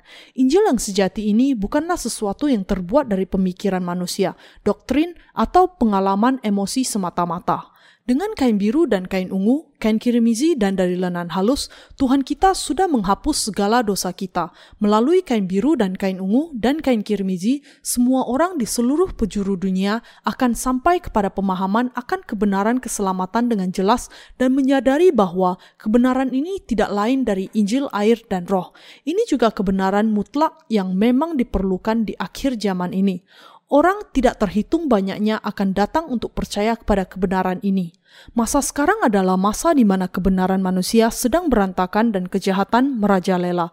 Kalau situasi di sekeliling memburuk, manusia menumpahkan kejahatan yang sebenarnya ada di dalam kehidupan mereka. Namun demikian, Tuhan sudah menyelamatkan Anda dan saya melalui Injil kain biru dan kain ungu dan kain kirmizi. Betapa bersyukur dan tak ternilainya berkat ini. Saya mengucap syukur kepada Tuhan atas keselamatan yang jelas ini, karena saya berlimpah dengan sukacita dan kebahagiaan. Dunia sekarang sedang menuju akhir zaman seperti yang dinubuatkan Allah dan sudah memasuki masa ini. Di saat seperti ini, ketika semakin sedikit orang yang melayani Allah dengan setia dan bahkan ketika iman orang-orang percaya melemah, kalau Anda berusaha menyerahkan kesetiaan diri Anda kepada sesuatu yang bukan kebenaran air dan roh, Anda hanya akan menambah luka di dalam hati Anda. Ketika percaya kepada Allah, kalau Anda tidak percaya Injil kain biru dan kain ungu dan kain kirmizi, Anda hanya akan menjadi kecewa karena hal itu tidak akan meninggalkan sesuatu yang berarti di dalam hati Anda dan juga tidak akan menghasilkan buah-buah yang tinggal tetap. Karena kebenaran Injil empat warna di kemah suci, kain biru dan kain ungu, kain kirmizi dan dari lenan halus adalah kebenaran yang jelas, maka itu adalah satu-satunya Injil yang terbaik di dunia yang gelap ini bahwa kita menjalani kehidupan setelah menerima pengampunan dosa dengan mengenal dan percaya kepada kebenaran yang dinyatakan di dalam kemah suci adalah berkat yang tidak ternilai, anugerah yang berharga, dan kebahagiaan besar bagi kita. Karena orang-orang yang mengenal dan percaya kepada kebenaran kain biru dan kain ungu, kain kirmizi dan dari lenan halus yang dinyatakan di pintu gerbang kemah suci adalah melayani kebenaran, bukan kepalsuan, sukacita yang besar ditemukan di dalam hati mereka sampai selamanya. Apakah Anda juga mengenal dan percaya kepada kebenaran yang dinyatakan di pintu gerbang perantaran kemah suci ini? Anda harus mengenalnya dan Anda harus mempercayainya.